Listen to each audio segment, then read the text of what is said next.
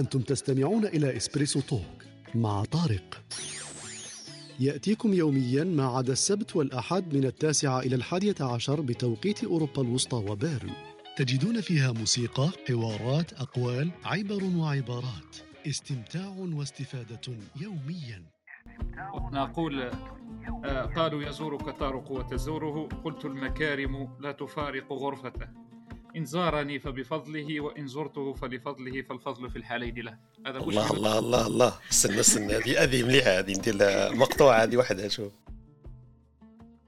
وهذه أنا أنا كإنسان آه، أنا يسموني حميد عبد عبد الحميد حارزي أنا دائما نديرها هذه ونظل ندير فيها. ما نقدرش نعيش بلا بها امبوسيبل وماذا بيا الناس ديرها معايا؟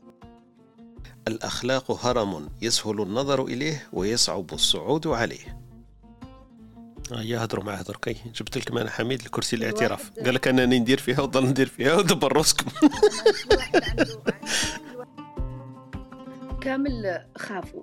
وقالوا له قال له سيد سيد السلطان الفيل.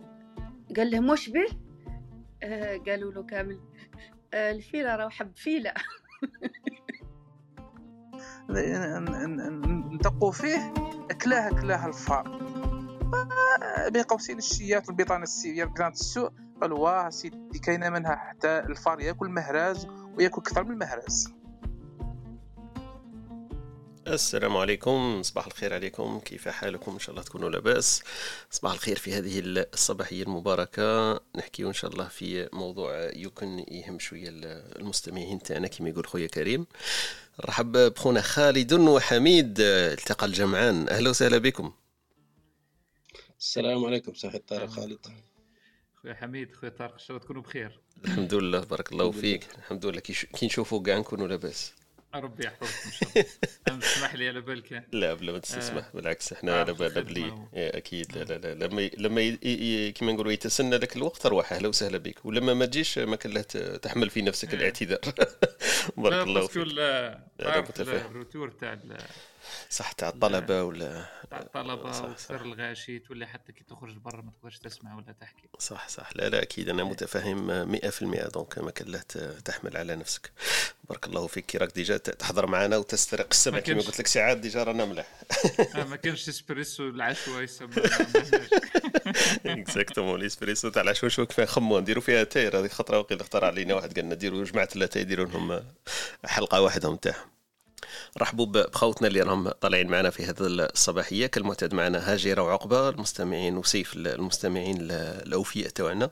خونا بغداد اللي راه ثانيك معنا في هذا الصباح. عمر كذلك أهلا وسهلا بك. خديجة أسماء نبيل آيا كلهم راهم معنا في هذه الصباحية. وأكيد معنا حميد وخالد. وتلتحق بنا أختنا وهبة إذا تسنى لها ذلك. donc راح نحكي إن شاء الله على موضوع اللي باين في في ال titles آه النفاق. donc إحنا نسيو كيفاش كيفاش نتطرقوا للموضوع هذا بكل حذر وتأني لأنه آه، مشكل عويص وباينة باللي ماهيش خصله هذه هذه هذه الحصة هذه باينة راح نديروها exception خالدة. هذه هذه نسموها لكم ما جيتش غايبة باش نغيب اليوم. شفت كيفاش؟ أنا فرحت أسمع أنا البارح بزي ما غفتليش كل البارح البارح معليش حكينا على هذيك الحكمة وقاعدين أكيد كان عندك ما تقول فيها لكن من الحكمة أنك جيت اليوم أنا أنا اليوم نحتاجك. في النفاق في التفصيل تاعو باش نلقاو الكلمات المعبرة ليه اللي قلنا واحد كيما خالد. دونك آه، آه، خاصة في الجانب كيفاش نتقوه وما هي كيما نقولوا الأمور اللي الناس كامل تقع فيها كيما نقولوا ساعات بلا بلا ما تعمل حساب على بال كاين واحد إيه. الأمور هكذا تقع فيها الناس وتعاند donc أكيد إحنا نتعودوا على الأمور هذيك تصبح عادة فينا هذا هو المشكل بارك الله فيكم. البارح في بالي طارق كيفاش جاه كيفاش جاه ال sujet في راسه يعني؟ كاش هو ما جانيش على بالك هو ضغط علي راني كنت نحكي لهم البارح قلت لهم كي وهيبة يمكن قالت لي قالت لي ال sujet هذاك واعر وغدوة وكيفاه وهذا. قلت على بالك هذا ال sujet راه كان يستنى عنده واقي 30 حلقة ومش قداه عنده أكثر من شهر ثابت وواحد هو اللي اقترحه عليا. قال لي نقول لك كاين واحد ال sujet هايل وكاع. قلت له شنو هذا ال sujet؟ قال لي جو قاعدين وقلت له أنا مش حوسي جو قاعدين حوسي نجيني واحد برك نحكي أنا وياه يكفيني أنا مش حوسي جو قال لي لا لا دير لهم النفاق. قلت له كيف هذا النفاق علاش جاك النفاق قال لي الناس قاعدين تعاني منه والناس قاعد دير فيه. قلت له لا غير عندك الحق صح. أنا كتبته هكذا باش نكون أمانة برك كتبته. لكن خليته يستنى يتريني يتريني حتى مش عارف. أنا كي كنت نهز فيهم ما خممتش بزاف. هزيت هذوك ثلاثة أربعة كما تعرف. donc هزيت الربعه هذوك ولا حطيتهم وجا هو متسلسل بعد الحكمة. لعل وعسى. المهم البارح خوتنا شكون؟ حنان. حنان قالت لي راه عجبني التسلسل تاع الأفكار والمواضيع بعد المعرفة والعلم والثقافة. تطرقنا إلى الحكمة. قلت لها هذه راه واحد الخطة برمجة جهنمية. قلت لها كنا ندرسوا فيها لمدة ست أشهر. أي موضوع قبل الأخر. وأنا من نيتي معنا صح كما يقولوا حالفنا برك الحظ أنه المواضيع صح جاءت متسلسلة ويمكن كما يقولوا لي حاجة في نفس في أنفسنا ربي ما خيبناش. المواضيع اللي طرحناها صح كانت متسلسلة لحسن الحظ ماهيش ماهيش مدروسة vraiment مسبقا وكاع. أنا صح ننتقي المواضيع لكن مش بهذيك الدرجة أنه ندير ندير خطة تاع تاع شهرين à l'avance voilà voilà بارك الله فيكم. donc إن شاء الله تطلع معنا اختنا وهبه كما قلنا. نرحبوا بخوتنا اللي التحقوا بنا أخيرا ولا مؤخرا. أهلا وسهلا بكم في هذه الصباحية. إن شاء الله ن... ن... كما نقولوا نفيدوا ونستفادوا في هذا الموضوع الدندنة تاعنا اللي هو حكاية النفاق. لكن موضوع دندنة معنا حوار برك جانبي ولا هكذا موش ولا راح نديروا فيه محاضرة هذه باينة. فوالا ويتقطع الحوار تاعنا. يمكن الكبسولات الثقافية مع اختنا وهبه والكبسولة الفكرية إذا طلع معنا أستاذ محمد بن جدو ونحكيو مع خالد أكيد وحميد في في مواضيع عديدة ومتشتتة. donc اذا حبيتوا نديروا ال jingle البدائي وننطلقوا على ربي إن شاء الله. أنتم تستمعون إلى إسبريسو توك مع طارق. يأتيكم يوميا ما عدا السبت والأحد من التاسعة إلى الحادية عشر بتوقيت أوروبا الوسطى وبيرن. تجدون فيها موسيقى، حوارات، أقوال، عبر وعبارات. استمتاع واستفادة يوميا. استمتاع واستفادة يوميا. والله استماع واستفادة يوميا هذا الهدف والمبتغى تاعنا. قدام لنا ننطلق نرحبوا بالك بخونا طلع معنا البغداد البغدادلي. بغدادلي راه قالوا لي خطرة حكيتوا له مليح وبعد غلطت فيه درك. بغدالي بغدالي انطق اسمي بطريقة صحيحة. راني راني أتحرى ذلك. شوف بغدالي خلاص. بغدادي هكذا. آه يا خلاص السلام عليكم صباح الخير صباح الخير خويا بغدادي واش راك؟ راكم لاباس صافي الحمد لاباس لله. والله لاباس الحمد لله. بصح ال sujet تاعي ما باش تنطقوا باش تنطقوا صعيبة شوية. déjà bon déjà أنا بديت بال sujet ومن بعد الاسم تاعك. في زوج هذوك صعب اليوم إن شاء الله ربي يعقب على خير. والله والله غير صعب بزاف. ال sujet صعيب بزاف. واش داك خير هذا السجي ما ما داني حتى واحد قلت له هو جا ليا. والله غير سبحان الله. فيها خير إن شاء الله. فيها إن خير إن شاء الله. الحمد لله. انت كنت طلعت معنا اخونا بغدادي عندها فترة؟ طلعت و- معكم. voilà وين؟ إيه، وين؟ طلعت. شنو كنت مشغول شوية. عندي بزاف دخلت Clubhouse آه d'accord صح. نمشي عليك خويا طارق بالك ال- ال room الواحد اللي ندخل نجمع فيه هكذا. اخويا أهلا وسهلا ما ما ما عادش كاين. ما نكذبش عليك والله ما كان عاد room. ما عادش كاين room ندخل نجمع فيه. في كلوب هاوس تف- تفشت أسمع. تفشت الفقاعات هذيك خلاص. خلاص ما قدرتش نكذبش عليك. ندخل نسيب سوجي ما نكذبش عليك. حاجة صح. تتقيا صح، تسمع. سوجي ولا تقيا أنا فيها خير. عاوش حال فيها خير إن شاء الله. اخويا أهلا وسهلا بك. شرفتنا بالحضور تاعك وإن شاء. الله. تكون استفادة. أهلا وسهلا. أهلا وسهلا بك. اخويا خالد آه، كيفاش نستهلوا البداية؟ تحب نديروا التعريف تاع خالتي وننطلقوا ولا تحب نستناو كيما حبيت؟ والله كما تحب نبدأو بشوية حتى. نبدأو دوكا دوكا يقولوا ها عندكم هذه دوكا دوكا آه نقولوها دوك خلاص نبدأو دوكا دوكا عندي وقت ما استعملتهاش هذه دوكا دوكا على خير إن شاء الله. donc voilà كما قلت ننطلق إن شاء الله على بركة الله. نبداو بخالتي تهشش لنا شوية الأمور كما تقول انت يا خالد. التعريف تاع خالتنا ويكيبيديا واش تقول في هذا الموضوع؟ وننطلق ونحطوه كأرضية. donc الن- النفاق هذا كما قلنا ماهوش خصله أكيد هو هو ذمة ولا عارف كيفاش نسموه عكس الخصلة نسموها آه، كيفاش نقولوا حاجة مشينة شائنة مش عارف كيف يسموها ذمة ولا عفسة كي من هاك المهم النفاق هو التظاهر باتباع على حسب ويكيبيديا واش تقول تقول النفاق هو التظاهر باتباع الفضيلة والأخلاق الحسنة الحميدة وإضمار السمة والن- والنزعات الحقيقية للشخصية المنطوية على غير الظاهر منها. donc تصنع بواحد الأمور على عكس الباطن اللي كاين. الظاهر يخفي أشياء والظاهر يظهر أشياء غير ما هي موجودة في في الباطن. donc هذا يسموه التظاهر. يكثر استخدام النفاق في إطار الأخلاقيات والأديان وهو أمر منبوذ وهو عكس الإخلاص. يشتق اللفظ الإنجليزي للكلمة hypocrisy وفق روايتين. الأولى من اللفظ الإغريقي مكتوبة بالإغريقية بمعنى الجبن أو التمثيل. أما الرواية الأخرى فتقسم الكلمة إلى مقطعين. الأول هيبو بمعنى تحت والثاني من الفعل كرينين بمعنى محص أو قرر. وبالتالي فإن المعنى يوحي بالعجز عن اتخاذ القرار. donc هذا المعريف هذا التعريف تاع تاع خالتنا ويكيبيديا واش تقول في موضوع النفاق. donc على حسب التلخيص نقدروا نقولوا باللي هو تظاهر بأخلاق حميدة وإبطان أخلاق اللي تكون ذميمه غير غير السائدة في في باطن الإنسان. donc هذا مشتق من hypocrisy وهو اللفظ الإنجليزي للكلمة. même في الفرنسية نقولوا l'hypocrisie donc نفس نفس الكلمة. وبالألمانية hypokritisch. donc هذه تقريبا نفس الشيء. voilà. donc هذا المنطلق اللي نبداو به إن شاء الله نستهلوا به الدندنة تاعنا الصباحية حول محور النفاق.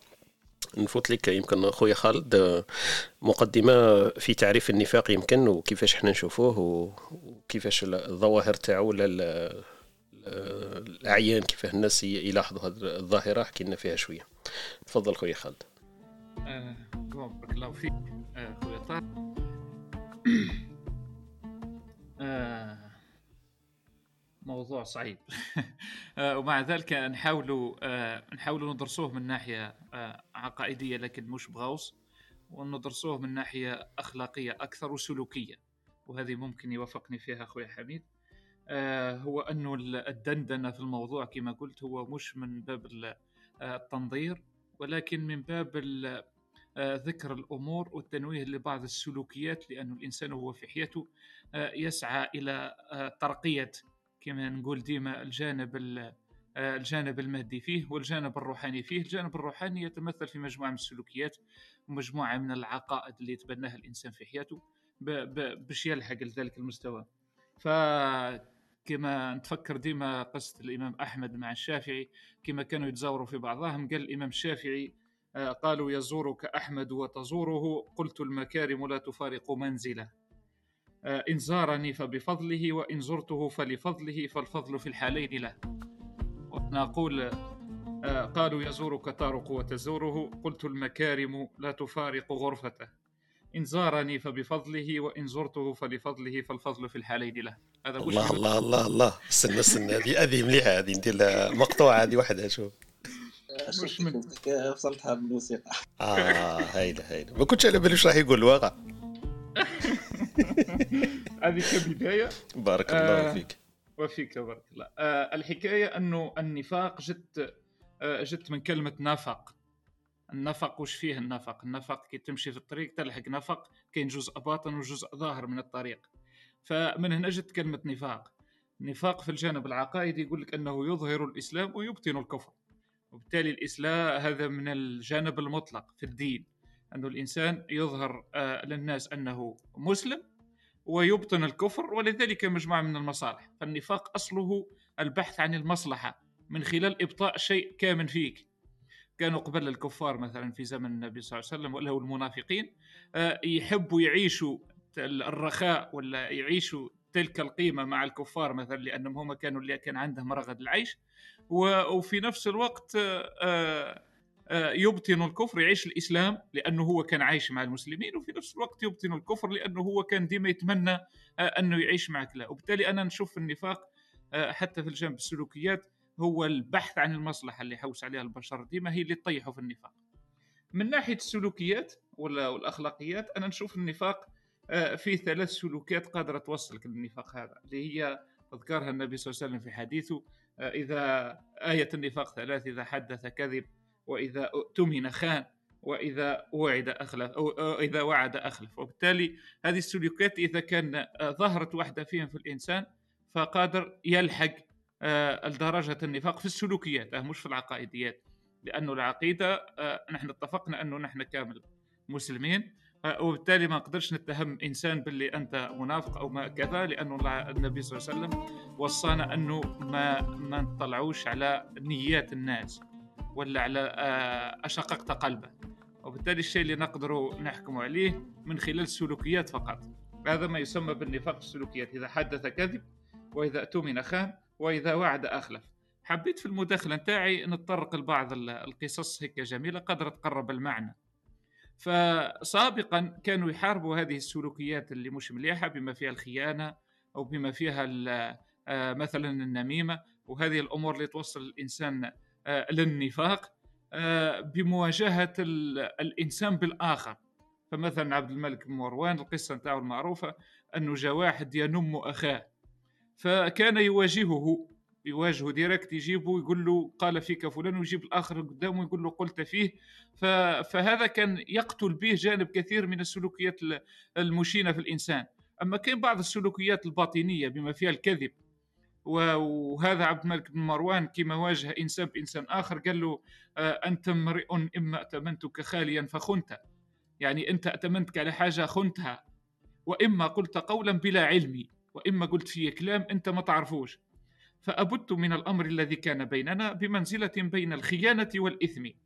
فالإنسان آه، السلوكيات هذه آه، اللي حكيت عليها اللي تدي الإنسان للنفاق هي الخيانة. بعد ما يأتمنك إنسان على سر تخونه أو أنك توعد إنسان وتخلف. فهذه من ب... أما كاين بعض السلوكيات الباطنة بما فيها الكذب كما قالها الشاعر لي حيلة في من ينم وليس للكذاب حيلة. فالإنسان اللي يكذب ما أقدرش نعرف أنا باللي يكذب ولا ما يكذبش. من كان يخلق ما يقول فحيلتي فيه قليلة. فالإنسان الذي يخلق ما يقول ويكذب فهذا ما تقدرش ما تقدرش تفيق به أسكو يكذب ولا على حقيقة. هذه من بين الأمور ال- ال- ال- الخطيرة جدا في قضية النفاق اللي هي الكذب اللي تديك مباشرة ل ل ل لهذه الصفة. أنا ديما نهضر في السلوكيات ما نهضرش في ال- في العقائديات. آه، من بين النفاق برك ذكر في القرآن الكريم آه، ببعض المظاهر اللي يكون يتأمل فيها الإنسان يفهم آه، ما معنى النفاق. ذكر في سورة البقرة ومن الناس من يقول آمنا بالله واليوم الآخر وما هم بمؤمنين. يعني الإنسان يقول باللي أنا أؤمن بالصح هو باطنيا هو غير مؤمن. يخادعون الله والذين آمنوا وما يخادعون إلا أنفسهم وما يشعرون. فالإنسان وهو يكذب وهنا تجي الجانب السيكولوجي في ف- عندما ينافق فهو يخون نفسه ويخادع نفسه. مش قاعد يخدع في الناس. وهنا وهنا الازدواجية في الشخصية. أنه الإنسان آه، المنافق آه، أعوذ بالله أنه هو عنده ازدواجية في الشخصية تض- يضر بها نفسه قبل غيره. هذاك علاه قال الله عز وجل في كتابه يخادعون الله والذين آمنوا. وهو على باله باللي الله عز وجل لا يخدع. لكنه هو ذكرها بالعاني آه، لسبب آخر. من بين الأسباب اللي ذكر فيها يخادعون الله والذين آمنوا أن الإنسان الذي يخدع الذين آمنوا أول واحد يصده هو ربي سبحانه. وهو في الحقيقة يخدع نفسه كما قالها ال- آه، آه، الله عز وجل. آه، مانيش عارف وش ما وش ما ذكرش ذكرت بعض النقاط هنا. آه، من بين ال- ال- السلوكيات أيضا أن السلوكيات هذه آه، تكتسب آه، وتغير آه، من تلقاء الإنسان ومن آه، ومن جلد الذات ومحاسبة النفس أن الإنسان يستطيع أن يغيرها. آه، من باب التربية ثاني والتهذيب أن هذه الأمور تكتسب من الصغر وأن الإنسان آه، قبل ما أختم أن الإنسان آه، يراعي سلوكاته حتى مع الأولاد الصغار. وهذه نحكي عليها من بعد باستفاضة. كيف أن الطفل الصغير يكتسب هذه السلوكيات آه، من آبائه وأمهاته. وأنه ال- في القصة من بعد نذكر واحد القصة شيقة جدا كيفاش أنه سابقا كانوا يربون آه، الأبناء على هذه التفاصيل آه، من بين ال- التفاصيل أنه ال- الأمانة وال- والصدق وعدم خلف الوعد. هذه بعض الأمور آه، من بعد نذكر فيها قصة اسمحوا لي طولت عليكم. وبارك الله فيك خويا طارق. صباح الخير. كيف حالكم وأحوالكم؟ أهلا وسهلا. أختنا وهبه صباح الخير عليك. الله كريم خير صباح الخير. كريم كذلك. مبارك. يوم الدخول المدرسي عندنا آه اليوم الدخول صباح المدرسي الخير. آه صح. صباح الخير. دخول مدرسي موفق إن شاء الله. إن شاء الله إن شاء الله. أولادنا أولاد المسلمين إن شاء الله. إن شاء الله. اليوم اليوم ال- نلبسوا القش الجديد وندو معنا. واش ندو ال- الورقة هذيك تاع ال- اللي يكتبوا فيها المستلزمات الدراسية. ان شاء الله دخول موفق. أهلا وسهلا بك أختنا وهبه وأهلا وسهلا بك كريم ثانيك في الدندنه الصباحيه تاعنا في ال- الإسبريسو أن تولك donc نحكيو نحكيو على الموضوع اللي قالت لي أختي وهبة ما تهضرش فيه لكن الله غالب. آه كما قلت قبل دفعنا إليه دفع دفعا و voilà donc آه كان مكتوب في القائمة و voilà بدون تحري ولا استقصاء. donc نحكيو عليه إن شاء الله. voilà آه خالد المداخلة تاعك صح؟ أنت لميت فيها نقاط عديدة واللي عجبني فيها إنك ختمتها صح بالنقطه هذيك تاع مسألة التربية. déjà في الملاحظة تاعي كنت كاتب كيف نربي انفس أنفسنا على عدم ال- النفاق هذا وكيف نربيه ولا نزرعه في أبنائنا. donc أكيد نرجعوا هذاك المثل تاع ربي نفسك قبل أن تربي غيرك. donc أكيد إحنا ما عرفناش نربوا روحنا ما نقدرش نربوا الأجيال ولا الأبناء تاعنا على حاجة إحنا ما قدرناش أصلا نتغلبوا عليها. فبارك الله آه. فيك ونستناو إن شاء الله. القصة اللي تحكيها لنا ثاني لازم أكيد نطرقوا لها. تفضل خالد. آه، أختي وهبه قلت له normalement نقر آه، normalement نقرفوا اليوم ما نجوش علاش؟ آه، على جال الموضوع؟ الموضوع الموضوع لأنه موضوع مقيت جدا يعني فيه كل يعني كي تقول النفاق مش سلوك واحد فقط. هو يجمع كل الخلق السيء يعني اللي ممكن يكون في الإنسان. لما نقولوا عن الإنسان منافق فهو كذاب خائن آه، يضر الناس. يعني الإنسان يسبب ضرر كبير للأشخاص اللي ينافقهم آه، يخرجهم على على الطريق ممكن. إذن هو خلق يجمع كل ال- الخلق سيء يعني اللي نهانا عليه ديننا الحنيف طبعا. هذا وعلاش قلت لك مو- موضوع يعني شوية مقزز ولكن لازم الناس تتكلم فيه لأنه حتى حتى نوضحوا يعني آه، الضرر نتاعو يعني وعلاش هذا الخلق يعني سيء وعلاش هذا الخلق مذموم يعني في المجتمع. وطبعا كلنا نعرف أن المنافقين هم في الدرك الأسفل من النار. والعياذ بالله يعني إن شاء الله ربي يبعدهم علينا وعليكم وينجينا إن شاء الله يا رب. بارك الله فيك أختي وهبة. مقدمه تاعك أحسن من تاعي على بالك. الحمد لله إنك عرفتي كيفاش تقدميها. أنا ندير تاعك هي قبل تاعي على بالك. نكون في المونتاج نعاود نرجع المقدمه. أحسن كلام قلتيه هذاك هو. أنا ما عرفتش نعبر عليه قبيل. قعدت نعتذر ونتعذر لكن لحسن الحظ كلماتك تشفي الغليل. donc هذاك هو الصح. أنا ما نقدرش نكونوا كما نقولوا نظريين برك ولا في مجتمع فاضل. فأكيد كاين خصال ماهيش مليحه نحكيو عليها وما نقدرش نسموها أصلا خصال. donc هذه ال- الأمور المذمومة. باش نكونوا واقعيين آه، نشوفوا المرآة بكل جوانبها ماشي برك ال- الجانب المشرق فيها. فالإنسان فيه ثاني جوانب شوية عاتمة ولا هكذا شوية م- مظلمة. دونك لازم إحنا ثاني نعرج الضوء عليها لتفاديها ماشي لنشرها ولا لل- للإشهار لها لكن للتعريف بها لتفاديها. بالك الناس تقع فيها عن الخطا غير غير دارية بذلك.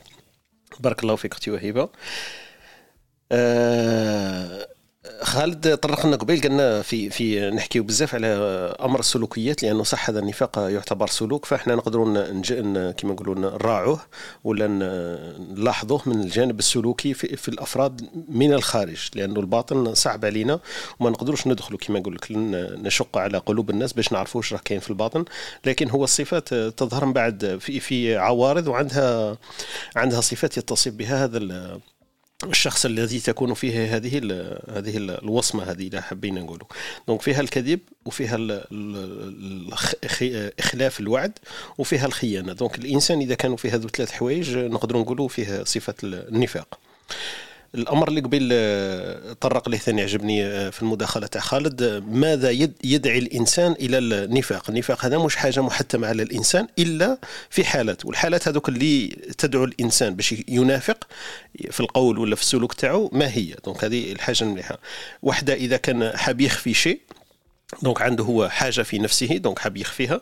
والثانية تقول لك البحث كما قالنا خالد البحث عن المصلحة. أكيد هذه تبان لي هي الشق الأكبر انه الناس تدعيها للنفاق انه تبحث عن مصلحة فتضطر ولا هي تختار مثلا النفاق لقضاء مصالحها. وطرحنا الأمثلة عن خالد بن مروان أكيد وتحليل هذيك النفاق في, في الآيات القرآنية الكريمة التي جاءت عديدة متعددة في هذا الباب. بارك الله فيك خويا خالد. آه، نبداو بخونا كريم يمكن نرحبوا به وخونا يوسف طلع معنا donc نرحبوا بخوتنا هذو كذلك ما ننساش باش نرحب بخوتنا اللي راهم مستمعين في هذه الصباحية. إن شاء الله تكون استفادة. معنا ثلة من الناس اللي مالفين نشوفوهم وناس جدد.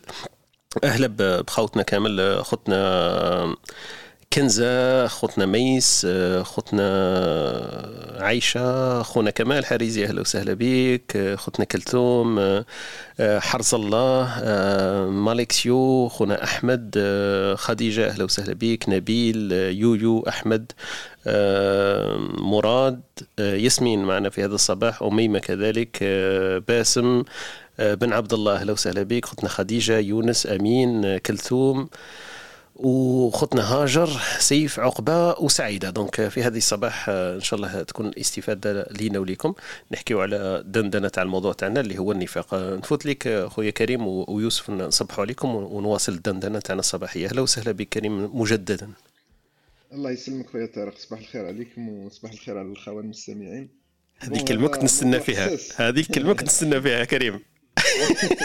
راك عارفها أنت. الله غالب على بالي. بون بالنسبة لي أنا الموضوع تاع اليوم هذا موضوع والله شوية حساس. كالعاده راك يعني تلتقي في المواضيع تاعك باحترافيه كما يقول لك خويا طارق. النفاق أنا بالنسبة لي طونك رانا زدت في الجزائر وكبرت في الجزائر. والله بالنسبة لي النفاق هذا راه كما يقول لك حاجة خلل يعني هذا راه موجود في المجتمع تاعنا.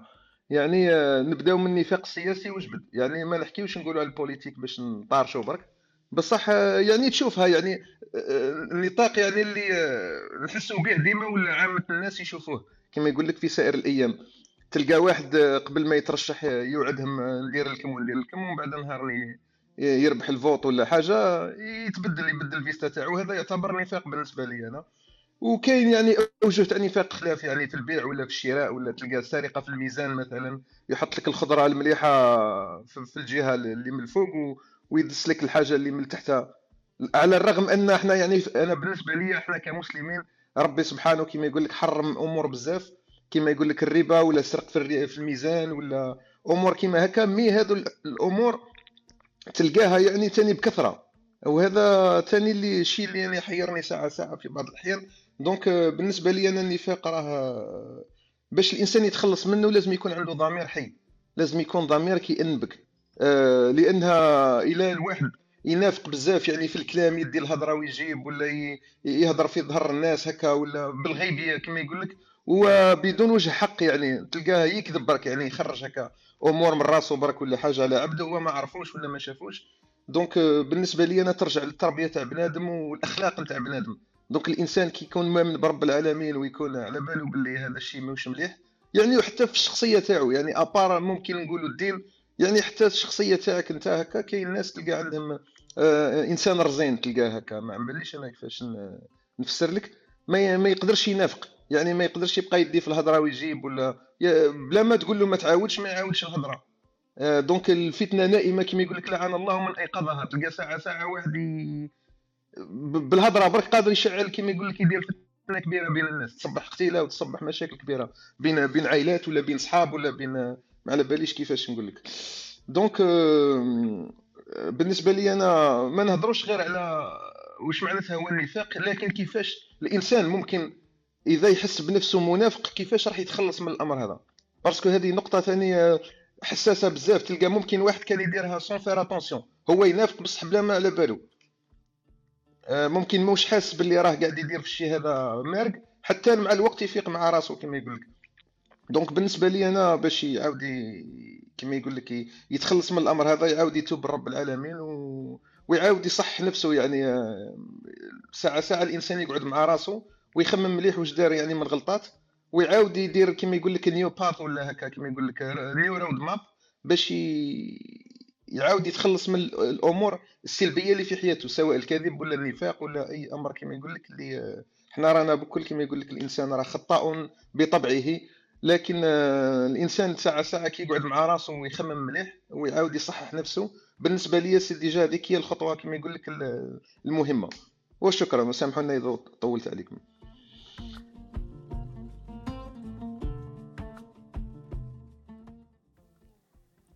شكرا لك خونا كريم يعطيك الصحة. اللي يعجبني في كريم مداخلته قلتها له كم مرة أنه يربط لنا دائما المواضيع بالواقع. donc كريم آه، في هذه الأمور آه، ما عندوش النفاق. donc يجيبها لنا كما هي وكما طرحت وكما رآها. بارك الله فيك خويا كريم يعطيك الصحة المداخلة تاعك. آه، رحبوا بخونا يوسف. وننطلق بعد بعد ذلك إن شاء الله. صباح الخير خويا يوسف.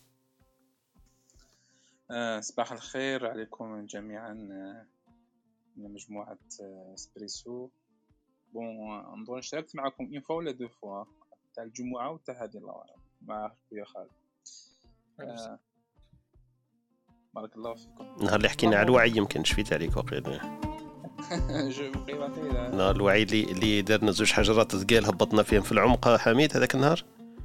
والله ما شفيت يمكن كان sujet هكذا حساس و... يمكن تفضل هو.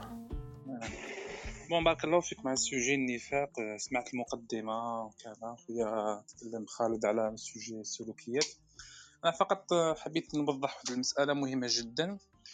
ربما شائعة عند آه، surtout حنا les Algériens الجزائريين هو كنفاق أختي فنوهبة دارت مقدمة ممكن أشارت إلى بعض العقاديات. ولكن آه، أصل كلمة النفاق آه، هي جاية من من النفق. نفق وهذه كلمة كانت تستعملها العرب كي ترجع إلى القواميس اللغة العربية. ف ف ف ف يعني نافق الحيوانات يعني نافق ال- اليربوع. وسبحان الله دائما دائما لازم تربط المعنى الاصطلاحي بالمعنى اللغوي. دائما عنده معنى لأن عادة تلك الحيوانات حينما تحفر النفق بحيث تدخل تدخل من من جهة وتخرج من جهة أخرى. حين ترى ترى الخطر يعني كما يشوف الارنب لما يشوف الذئب والثعلب فيحفر نفقا يدخل من جهة ويخرج من جهة أخرى. ودائما كما قال خويا خالد نفاق المصلحة تربط تربط يعني وهذا هو ذو الوجهين بحيث يوري وجها ثم يخرج من وجه آخر. فدائما المعنى اللغوي مرتبط جدا بالمعنى الاصطلاحي روح المعنى الاصطلاحي كذكرته كامل باللي هو إخفاء آه، إخفاء آه، ما ما ما يظهره الإنسان يعني وابطان آه، إبطان الكفر وإظهار الإيمان والإسلام بالمعنى العقدي ولكن نبه على النقطة أن جل الآيات القرانيه التي وردت في ذم النفاق وفي مآله يوم الآخر تتكلم عن النفاق العقدي بمعنى. ولا يكون النفاق العقدي إلا حينما لذلك تشوف في السيرة النبوية أن ظاهرة النفاق لم تكن في مكة لأن الإسلام كان ضعيف كان كان ضعيف بينما ظهر ظهر النفاق في المرحلة المدنية حينما تكون صولة الإسلام سامبوز بقوته وبصولته وجولته بكل معاني القوة مش فقط القوة المادية في كل معاني فتظهر تظهر ظاهرة النفاق نفس الشيء. هذا نقطة مهمة. فن- فنأكد كل آيات القرآن وردت في ذم النفاق. في القرآن تتكلم عن النفاق العقدي النفاق الذي يخرج صاحبه من الملة. ولكن هذا لا يعلمه أحد. هذه نقطة مهمة جدا. c'est très important surtout حنا هذا النفاق لا يعلمه أحد لأنه لأنه الله أعلم به أشققت على قلبه ما يدرك لأنه هو إبطان لأنك أنت مكفول أن تحكم على الناس بالظاهر. والله يتولى السرائر هذه نقطة مهمة جدا.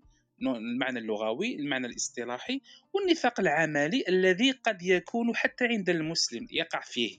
لهذا جاءت الأحاديث آيات المنافق ثلاث إذا حدث كذب وإذا اؤتمن خان وإذا خاصم فجر.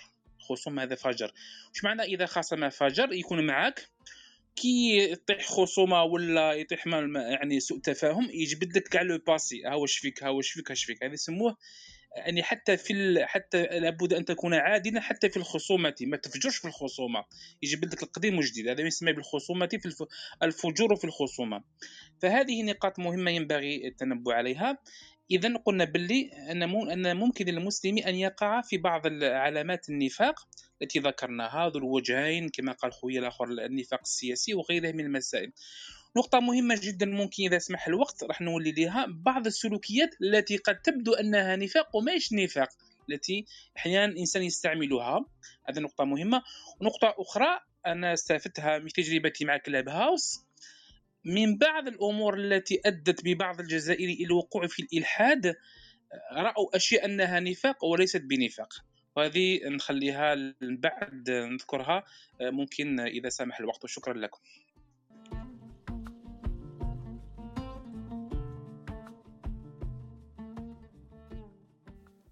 بارك الله فيك خونا يوسف. أهلا وسهلا بك وأهلا بالمداخلات تاعك كما نقولوا صح التي تكون في الصميم. درت بنا جولة حول النفاق العقدي في القرآن النفاق العملي في في مصطلحاتنا من الواقع وفسرت لنا في التعريف اللغوي لهذا لهذه الكلمة. كما نقولوا تفسير بسيط ومفهوم لكل شخص يقول لك النفق مأخوذ من النفاق مأخوذ من النفق لأن الإنسان يدخل من من من باب ولا من مدخل ويخرج من آخر. دونك تفسير بسيط ويقدر أي واحد يفهمه. بارك الله فيك خويا يوسف وشوقتنا درت لنا تشويقه في آخر كلامك. حابين نعرفوا النقطة هذيك التي الأمور التي تبدو للعلن أنها نفاق وهي في الأصل ليست نفاق. donc نعود أكيد نرجع لك فيما بعد توضح لنا شوية أكثر فيها. بارك الله فيك. نفوت لخونا حميد مازال ما سمعناهش في هذه الصباحية. حميد صباح الخير مجددا. السلام عليكم صباح الخير عليكم كاع. نظن هدرتو بيان خالد هدر على العقدي ولا والسلوكي. هذه c'est vrai كاينة منها.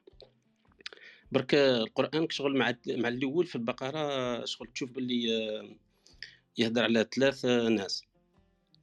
الأول المؤمنين يحكي عليها نص باجا من بعد زوج سطور على الكفار. من بعد باجا ونص على المنافقين. تما تعرف هنا باللي c'est un peu complexe الآخر و c'est surtout psychologique donc أنا بغيت برك نطرح سؤال هكا وأنتم خموا فيها برك. تخيل تكون يخيروك ما بين زوج قدرات هكا deux pouvoirs واحد تولي فيه مخفي ما يشوفوكش الناس واحد تقدر تعرف شنو يفكروا الناس. واش تختار؟ bonne question هذه أنا عن نفسي آه، وش راهم يخموا الناس أكثر؟ مش عارف إلا خالد وكريم ويوسف يقدروا يقولوا لنا. أنا عن نفسي آه، وش راهم يخموا الناس أكثر؟ لأنه بالك exactement حميد pardon تفضل يوسف لو كان يخيروك ما بين deux pouvoirs واحد تكون فيه invisible مخفي واحد تكون في واحد تقدر تعرف شي يفكروا الناس. واحدة نتيجة الأخرى كيف bon آه esprit algérien نحب نكون باين يا أخو.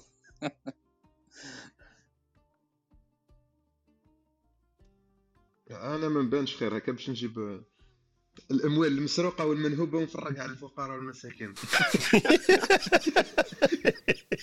Robin des Bois. إيه Robin des Bois نقول له Robin des Bois بالعربية. يعطيك الصحة كريم. هكذا ثاني ما يعودوش يجوا يتسلفوا من عندك واقيل ثاني هذه داخلة فيها. voilà. الناس كما يقول لك.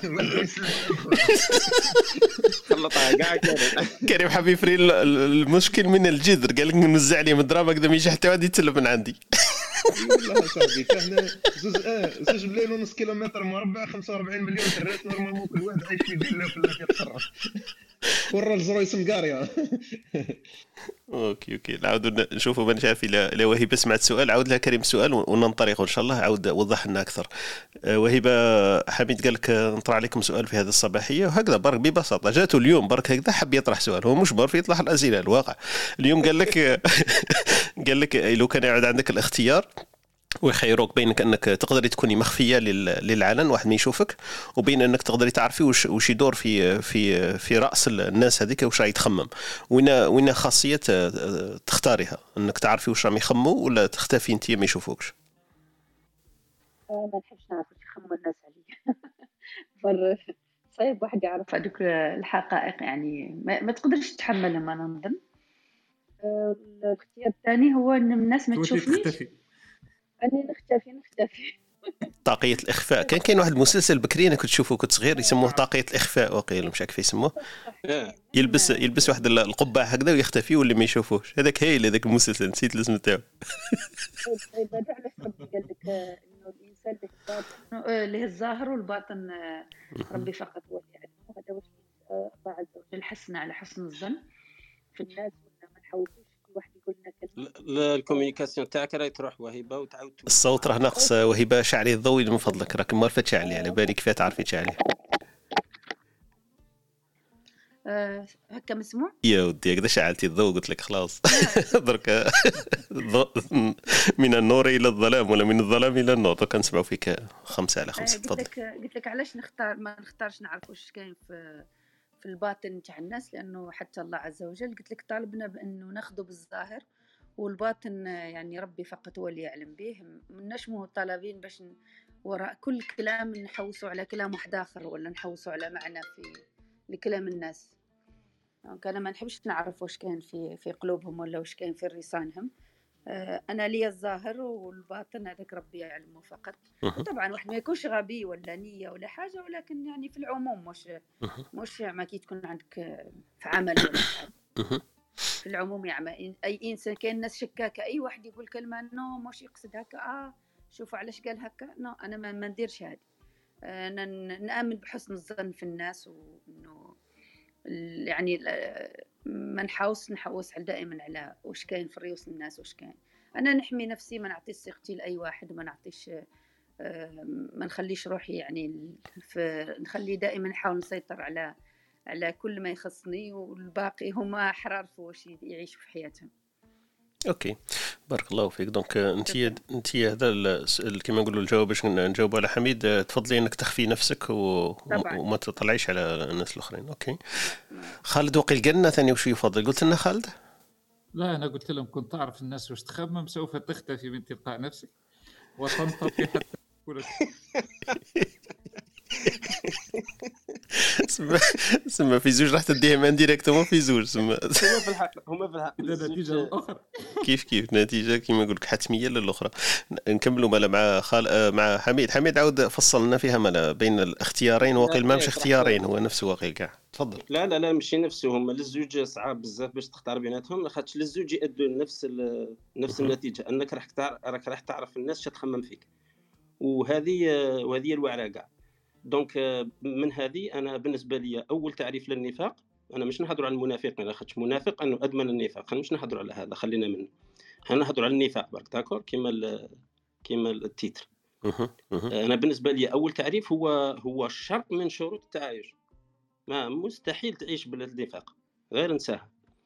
donc donc أنك ما تحبش تعرف هذه طريقة على أساس أنه أنت حب الناس أنهم يقولوا لكش ولا يخفوا بعض الحقائق عليك ولا أنت تخفي بعض الحقائق على الناس. معناتها شرط vraiment في التعايش. autrement تستحيل المعيشة. مصيبة c'est direct. donc هذه هي هذا الشرط الأول. donc ال- النفاق finalement حاجة حاجة اللي شغل ما نقولوا لا مليحة لا ماشي مليحة. اللي obligatoire quelque part ما تقدرش كيفاش شرط. c'est une condition humaine ما تقدرش تهرب عليها بزاف. أنا غير بغيت بهذاك le petit exercice باش تشوف باللي صعيبة بزاف أنك تعرف الناس شي يفكروا فيك ولا تعرف الناس شي يفكروا tout court على واحد آخرين وكي يتضح لك كاع المشهد آه، ما تقدرش تعيش. l'envergure psychologique تاعنا ولا الطوق ال psycho النفسي تاعنا ما يتحملش هاد الصوالح. donc لازم نعيشوا بواحد ال... بواحد حسن النية اللي قالت عليها وهبة. donc c'est un contrat moral هكا نبداو به شغل باللي bien وخلاص. شغل نسلموا باللي رانا bien. ونعيشوا كيما هكا. bien برك ما تبانش. هذاك كيفاش الانسان يدمن النفاق ولا على المصلحة تاعو ولا هذاك هذيك هدرتوا فيها إن شاء الله. بارك الله فيك. يعطيك الصحة أخونا حميد.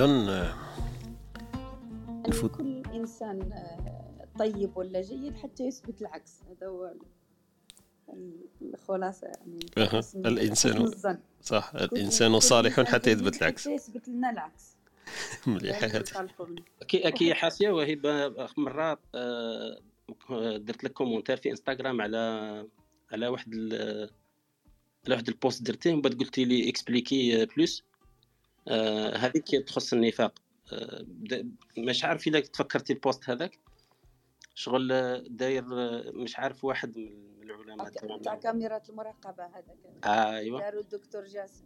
أيوة. exact جاسم مطوع اللي أنا نحترمه بزاف وكل شيء. بصح في هذيك أنا بالنسبة لي غلط غلط غلطة هو من ال psychologie حاسبها juste بصح philosophiquement فوق المشكلة اش تاهي شغل هي داير باللي قال لك باللي زعما داير post ويقول لك باللي تخيل باللي إحنا يا ربي شوف فينا كيما تشوف الكاميرات هذيك تشوفك.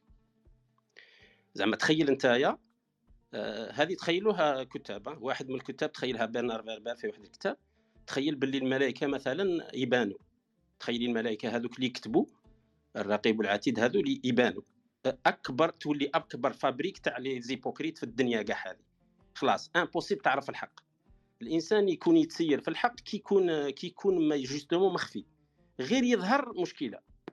فتخيلي هذاك l'équilibre اللي في الوسط كيفاش ربي حاطه بالحكمة تاعو. ما دارهم لا يبانوا لا والو. بصح هو قال لك كاينين.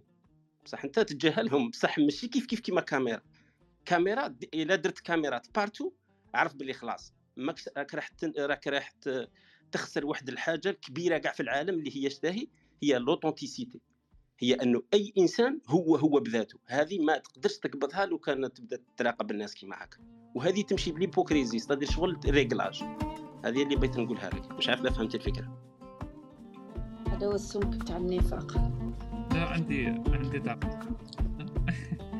آه، ممكن آه، عبد الحميد ما اختلفنا شوي في المصطلحات مثلا كلمة نفاق وكلمة سياسة.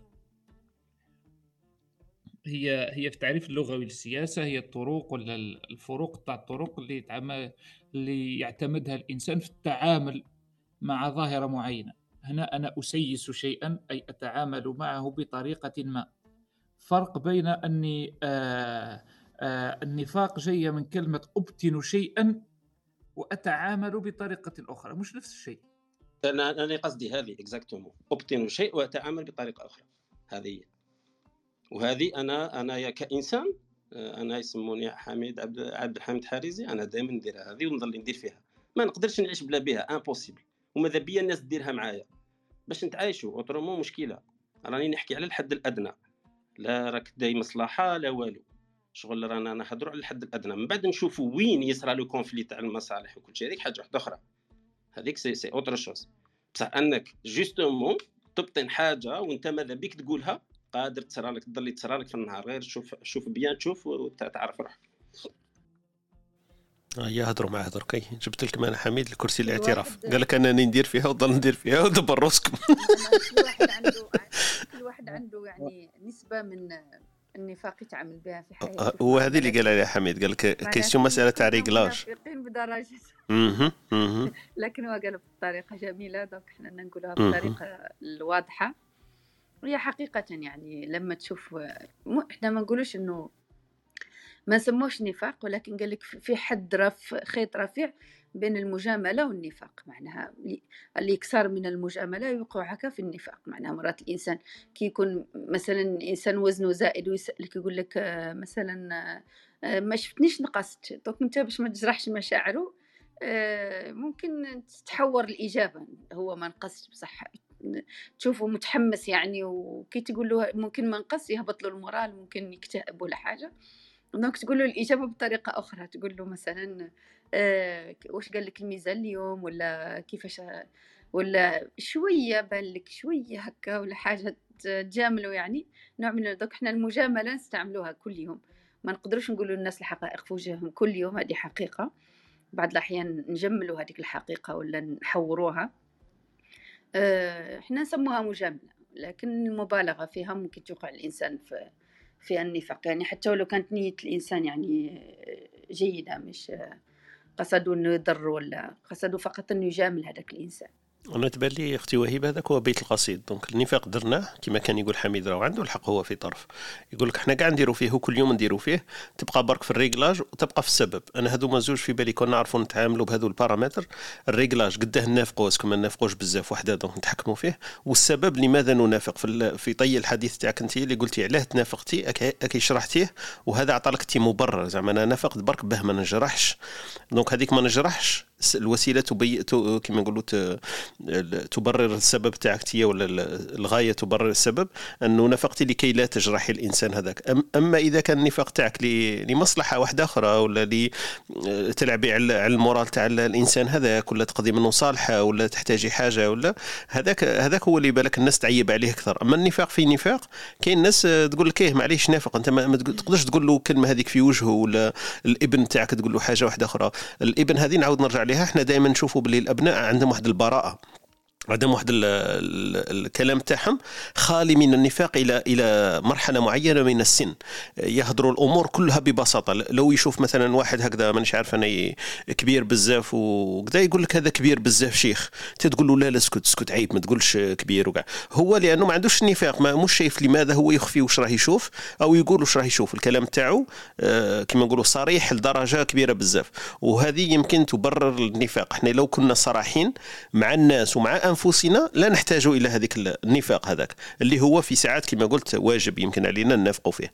لكن الصراحة تبين لي ما نقدرش نكونوا صريحين في كلش لأنه أمور إحنا حابين نخفوها ما حابينش الناس يعرفوها ولا حابين الناس الأخرين يعرفوا عكس واش رانا نخمو donc نطرقوا لهذاك النفاق. ففي بالي واش قلتي وهبه يطابق واش كان يقول حميد شوية donc من هذا الباب. حضرني قصة إذا سمحتوا لي ممكن تفضلي، يلا. أحكيها لكم.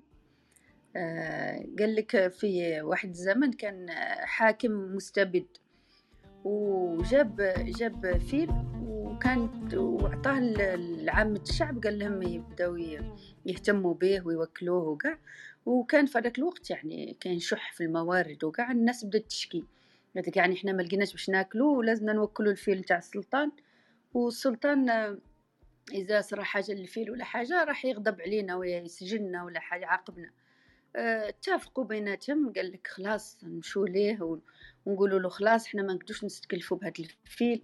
آه، جانا ما- قدرناش فوق طاقتنا يعني. وكان واحد متحمس يعني حمسهم وقالوا له خلاص غير نروحوا نمشوا للسلطان. ونقولوا له الحقيقة هذه لازم نعبروا على رأينا. آه، كي مشاو عند السلطان دخلوا عند السلطان وقف لهم السلطان بالهيبة نتاعو وكاع وقال لهم آه، تفضلوا واش بغيتوا؟ كامل خافوا. وقالوا له قال له سيد سيد السلطان آه، الفيل. قال لهم واش به؟ آه، قالوا له كامل آه، الفيل راه حب فيلة donc قال لهم الفيل حب فيلة يعني راه وحيد ولازمنا نجيبوا له فيلة يعني كاع الكلام قاعدوا يشوفوا في بعضياتهم ما خافوا من الإجابة قالوا الفيل حب فيلة donc هذه تدل مثلا على الناس كي تحب تنافق ما تقدرش والنفاق يكون أغلبه في عند السياسيين الناس تنافق السياسيين. معروف إنه كلهم منافقين والناس تنافقهم هذه حاجة معروفة حتى النفاق عند الحاكم يعني من أش... أول أول نفاق كاع المعروف كاع في في المجتمع الناس تنافق السياسيين هذه الحكاية اللي حبيت نتقاسمها معك بارك الله فيك. يعطيك الصحة. أنا أنا كما نقولوا ما شديتش روحي من الضحك تاع الصحة دي تاعي. حب فيلا بغى لهم ما عندهم فيل واحد حاروا فيه اكزاكتو يعطيك الصحة. بارك الله فيك أختي هذا وهبة حتى يقولوه كمثل شعبي يقول لهم الفيل بغى فيلة. يعني يقولوه دائما هذا المثل. صح. في الناس بارك الله في فيك. المبالغة قل لي شيخ يوسف حبيت تقول شيء ولا عندك عندك ما. تقول؟ تفضل يا. قلت لكم في البداية كاين بعض. المسائل. التي ممكن نشوفوها باللي نفاق وهي ماهيش نفاق. وهنايا c'est الإجابة تاع عبد الحميد اللي l'a posée question هذيك intelligente وهنايا آه، العبرة بالقصود بالنيات. يعني كل واحد والنية ديالو شنو هو؟ لذلك دائما مثلا آه، كاين واحد الباب واحد الباب يقولوا المعارض أو التورية. وهي مندوحة دي فانتايا تطيح في في في موقف. يعني آه، كأنك آه، كأنك في موقف مح في حرج ممكن تكذب فيه. هنايا تقدر تستعمل يعني رخصة ولا شو مخرج باش باش t'éviter ما يسمى بالمعارض أو التورية يعني تقول كلاما لكن لا تقصده. يعني لا تقصد ذلك الكلام. par exemple باباك يقول لك باباك ولا يماك نعرفوا باللي بر الوالدين واجب وما عجبوش فلان قال لك لما لازمش تكلموا قال لك كون نصيبوا كون نتكلموا دعوة الشر عليك وأنت ما هذاك إنسان طيب ما تقدرش ممكن هو ما فهموش ولا يقول لك حلف لي ما, ما تزيدش أنت أنا واش دير؟ آه واش دير مثلا ولا مثلا خوك آه، خوك ولا أختك ولا واحد من القرابه من الرحم تاعك بحيث تكون آه، محرج بين أمرين آه، ضرورين مثلا بر الوالدين ولا صلة الرحم. هنايا عندك عندك هذا المخرج المخرج الذي هو قد يبدو نفاقا لأنك قد تكذب لأن من علامات النفاق هو الكذب لأنه لأنه خلاف الواقع. هنايا يعطوا لك رخصة ما يسمى بالمعارض أو التورية في الكلام. يقول لك حلف لي تقول والله لن أكلمه. وهنايا اللغة العربية تلعب الدور. وكل الكلام الكلم هو الجرح. أنت تقصد هو كي كيسمعك تقول والله لن أكلمه. صافي خلاص ما نزيدش نهضر معاه. بصح أنت قصدك لن أكلمه أي لن أجرحه لأن الكلم في اللغة العربية من يعني الجرح. كأنك تحكمه وجرحته فأنا يقول لك ولكن هذا بمعيار يعني ما ديروش منهج حياة في دائما تخدم هذا الأسلوب يقول لك هنايا c'est le réglage يعني ديروا الحد الأدنى باش ما يكونش منهج حياة في السلوك. أحيانا يكون فن أسلوب آخر des fois يكون واجب واجب بايزون تزور مريض تزور مريض باش تطلع له ال moral معروف من من من من آداب زيارة المريض ماشي تقول له راك وجهك مصفر ما بقى فيك والو. كي دعوتك كنقص الوزن تكمل عليه خلاص. شغل راح يطيح في يقول لك لا لازم كي تزور المريض لازم تقول له الكلمات الطيبة طلع له تقول له ما رأيتك أجمل مثل اليوم. يعني وهذا بخلاف الواقع. أنت فقط لكن قصدك من ذلك أنك تطلع له ال moral لأن العامل النفسي اثر على العامل البدني وشفنا حتى في أزمة كوفيد كيفاش كانت البروباغندا هذيك تاع كوفيد الناس تقريبا نعرف أنا ديكا آه، ممكن ماتوا ولا مرضوا بسبب الأزمة النفسية. يعني مرضوا نفسيا مناعة نفسية ما راحت. لأن علاش؟ عايشين بروباغندا ما كاش يطلع المورال ما كاش يطلع آه، شيء ثالث أحيانا يكون واجب. وهو علاش قال النبي صلى الله عليه وسلم ليس الذي يصلح بين الناس بالكذاب. أنت عندك زوج خاوة متعاديين ما يشموش بعضهم بعض. أنت تروح دير واسطة تاع خير تقول والله فلان البارح كان يتكلم فيك غير غير الخير. وقال بلي إنسان طيب والله يبارك ومنفق وكذا وكذا وكذا. أنت فقط باش تالف بين القلوب. لكن الواقع خلاف ذلك. فأنت نيتك هنا هو الإصلاح والتأليف بين القلوب. فهذه مسائل تشوفوا فيها بلي ظاهرها نفاق. ولكن في الباطن هي خلاف ذلك. ونيتك بالعكس راك تدي في الحسنات وتألف بين القلوب وتجمع الناس على الخير. فوالا. بارك الله فيك يعطيك الصحة خونا يوسف على المداخلة تاعك هذه. وجاوبتنا على سؤال متى يكون النفاق ظاهره كما قلت يبان باللي نفاق لكن هو مستحب.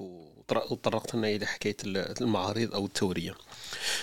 وسبب كل هذا كما قلت لنا النيات. أنا ظهر لي واحد السؤال بصح ما, ما كثروش من الأسئلة درك نعطيه لكم نحكيكم على الحاكم والمهراز تعرفوا المهراز آه...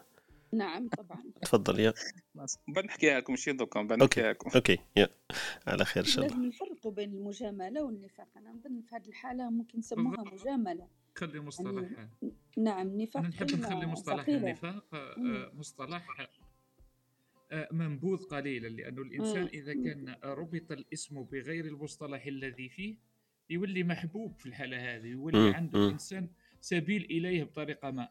أما إذا كان أنت تحكي مثلا على الكذب لازم نحكوا على الكذب كحد ذات وحده. أما النفاق في حد ذاته لم يذكر أن النفاق يوما كان نفاق إيجابي. فهمتني؟ وبالتالي المصطلحات لازم تتحط في سياقها مثلا. مثلا كي كان يحكي درك أخويا يوسف على على حكاية انه أنت تقول تحب تصلح بين الناس تذكر الإيجابي الذي فيه دون تغيير للواقع. نعطيك مثال. أنت رايح تخطب مثلا بنت إنسان. وانت حاب تألف بين القلوب وتجمع الشمل وتربط العائلات مثلا.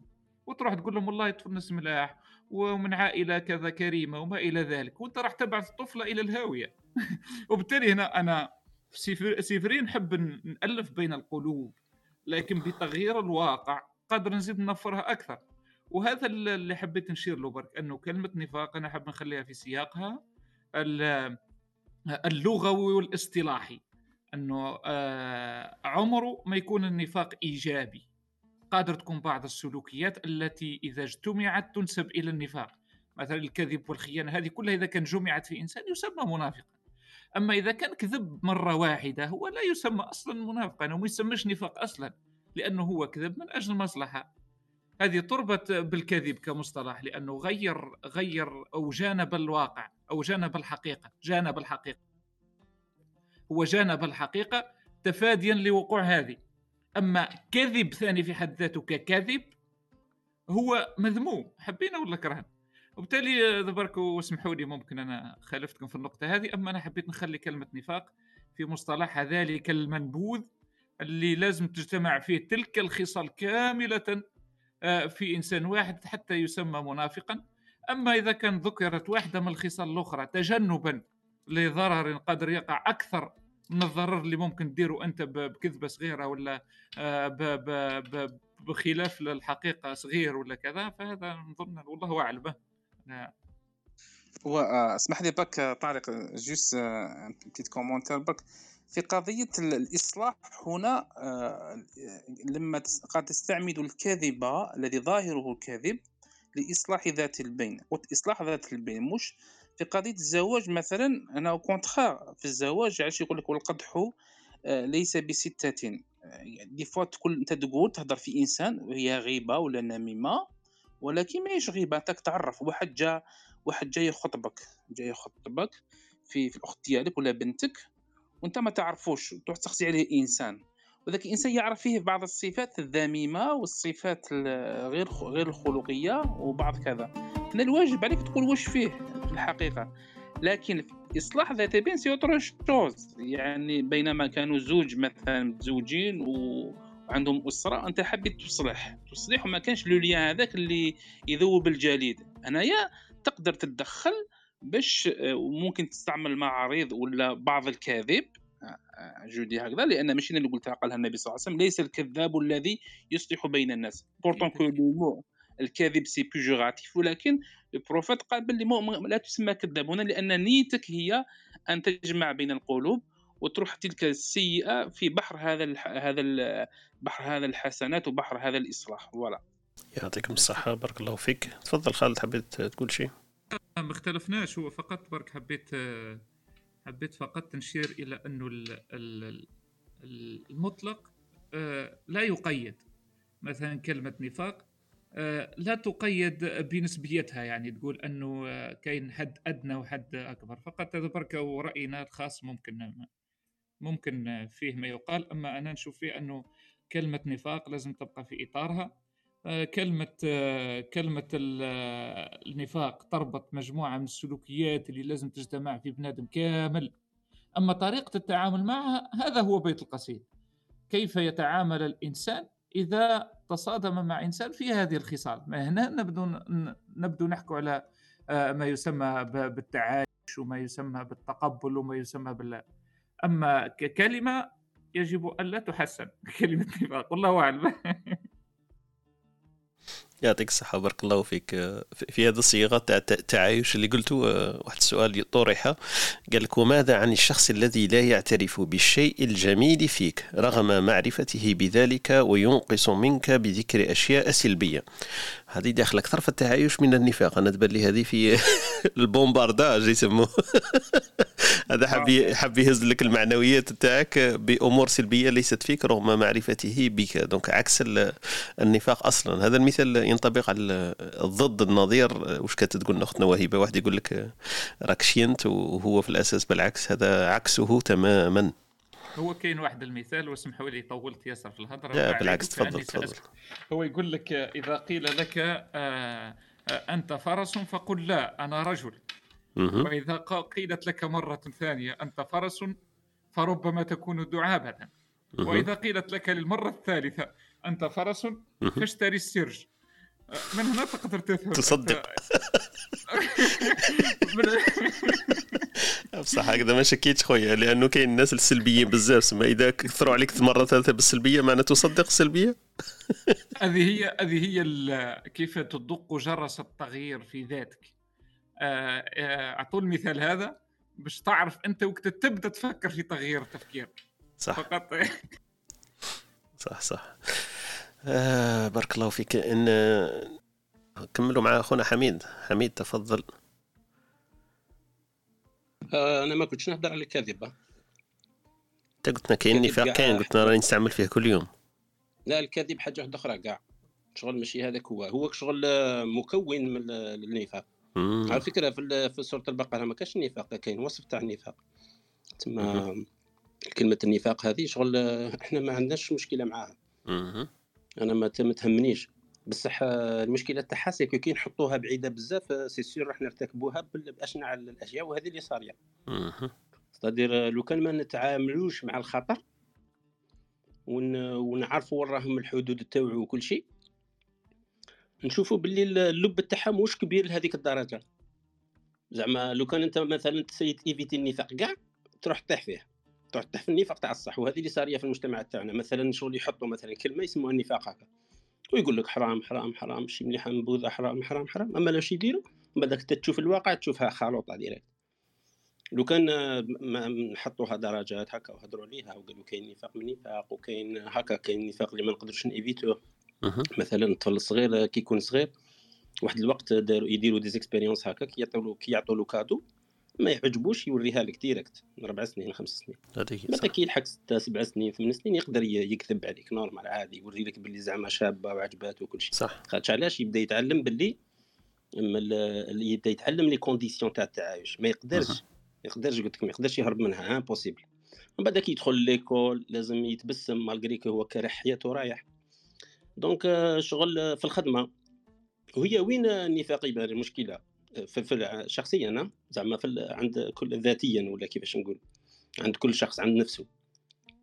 مثلا أنت تقول تقول بلي أنا نقول كلمة الحق ومنها وما عنديش مشكلة وكاع. OK. تقول كلمة الحق. est-ce que كلمة الحق هذيك تقولها كيف كيف؟ كيما ال collègue تاعك كيما يجيك ال CEO كبير كاع تاع الشركة؟ ولا مثلا تنحط قدام واحد مش عارف أنا في في في, في, في الجزائر آه، عند gendarme باين باللي راح يدخلك الحبس موراها وكاع. تهدر نفس الهضرة؟ ما تهدرش. من بعد شي تولي دير لا تولي تقول تولي تقول ال- تولي تقول لا لا شغل راني نسيس راني ندير هكا. mais هي quelque part كاين واحد ال réglage. وال réglage هذا كيطلع selon المسؤوليات اللي راك دير فيهم نتايا. مثلا كيما نقولوا تلقى واحد آه، معروف أنه يقول كلمة الحق راح يطلع هو باينة بلي راح يتحدى واحد كبير. واحد صغير تلقاه يتخبط في هذو الاشياء الصغار ما يقدرش يواجه واحد المواقف كبار. ما تنحسبش عليه تنحسب عليه ما تنحسبش عليه كيفاش راح يشوفها هو في حياته. est-ce que خسر بزاف من شخصيته est-ce que ما خسرش est-ce que بعد على روحه ما بعدش على المبادئ اللي هي. أنا ليني عارفها باللي إنسان كي يشيد آه، عمران كبير هكا على ال- الأخلاق وال- وال- والصوالح ما يقدرش يطلع عليه direct زعما كيما نقولوا خاطر مرة سقساو واحد bouddhiste قالوا له قالوا له شنو هو le bonheur؟ قال لهم كي نروحوا زعما الايفرست ونوريكم الإيفرست. كاع الناس تشوفوا ها هو يقدروا كاع يشوفوا بصح شكون يقدر يطلع حتى لفوق؟ هذه هي المشكلة. شغل المشكلة هرم الأخلاق في رسالنا كاع كبيرة. بصح كيف حتى نوصلوا ليه؟ وكيف حتى نقدروا نوصلوا ليه؟ est-ce que حنا مطالبين انه direct نبداو في القمة تاع الإيفرست؟ واش هو القدر ال minimum اللي نترباو عليه بشوية باش نقدروا نصلحوا في أنفسنا بشوية بشوية بشوية حتى تولي تطلع ممكن d'un dixième ولا ولا ولا ولا 20% ولا تاع هذاك الإيفرست. ماشي زعما قضية هكا زعما شغل آه، سهلة هكا تحط على النفاق هكا وخلاص. اذا لو كان آه، جات آه، جات ال- ال- الحلقة لو كان درناها لو كان نحينا الألف واللام وخليناها نفاق أحسن. الله فيك. آه خويا طارق. ألو؟ أنا معك تفضل يا والله فكرني حميد إما هكذاك شغل كليكاني في عفسة هكذا. كاين دي فوا هذه راه في عادة راه في عادة هو. ويكليكي إيه. الناس قاعدين هكذا ويثير النورونات المختفية في عقولنا. الجامدة يحركها تفضل. مهمة جدا. c'est طريقة أنت عبالك des fois المجاملة صح تكون مليحة des fois تكون مستحبة des fois تكون مج... des fois تكون المجامله محرمة أو أنها ممنوعة أصلا. par exemple كاين des cas des cas لازم تقول كلمة الحق. ما تقدرش تجامل impossible ولكن بشروط. مثلا مثلا ما ما- واش يجري مثلا في العالم شفتها في الدول المتخلفة هذه y compris l'Algérie ولا كاع الدول الحكام لما يصل إلى الحاكم يدخل بخلق ويخرج بخلق آخر. n'importe quel حاكم quel que soit président premier ministre ou bien مدير شركة أي مسؤول. généralement المسؤول هذاك كل شيء tout va bien. تصور مثلا في الجزائر دوكا tout va bien toujours من بكري tout va bien 20 سنة هي رايحه الهاويه ولكن toujours l'entourage هذاك l'entourage يوصل لل- لل- للمسؤول الأول كلشي راه مليح monsieur président راك هايل راك راك في قمة القمة رغم ان رغم أن القاعدة راهي مخروبة. هنا يقول لك هذاك l'entourage ما لازمش يجامل قال non لازم تكون عندك الشخصية القوية وتقول كلمة الحق كاع غلط. راك في هذا ال point هذا تعطي الرأي تاعك. وهذا وهذه ثقافة موجودة آه، ثقافة موجودة اللي خص- خاص اللي تولى مسؤولية في الدولة في ال officiel كاين des déléga- délégations mixtes كاين لجان آه، آه، مختلطة. هنا لازم تفرض شخصيتك كي تشوف حاجة عوجه لازم دير تعطي ال point de vue تاعك لأنه واجب عليك روحوا ل- القانون يحتم عليك أنك مسؤول ولا إطار في الدولة أنك تقول ما تعتقده ما تجاملش المسؤول تاعك لأنه دار هذاك الرأي لأنه من بعد واش يديروا؟ كيكتبوا فلان موافق فلان فلان- الآخر اعترض ودار la réserve تاعو. هنايا ربما هذاك la réserve أنت قلت باللي أكو faux قادر يكون 99% كاع قالوا كاع قالوا إيه وفق واش قال المسؤول تاعهم. لكن هذاك ال réserve اللي قال non أكو غالطين في هذا ال projet ماشي هكذا بعد مدة يبان باللي باللي صح رجعوا ليه. وهنايا كما قال حميد لازم في هالحال مثل هذه الحالة لازم لازم تقول كلمة الحق directement ما تجاملش quel que soit هذاك المسؤول وما في, في في ما يسمى هنا ممكن نطيحوا في النفاق المذموم ال péjoratif اللي قالوا خويا خالد. فوالا باش حبيت نقول أنا.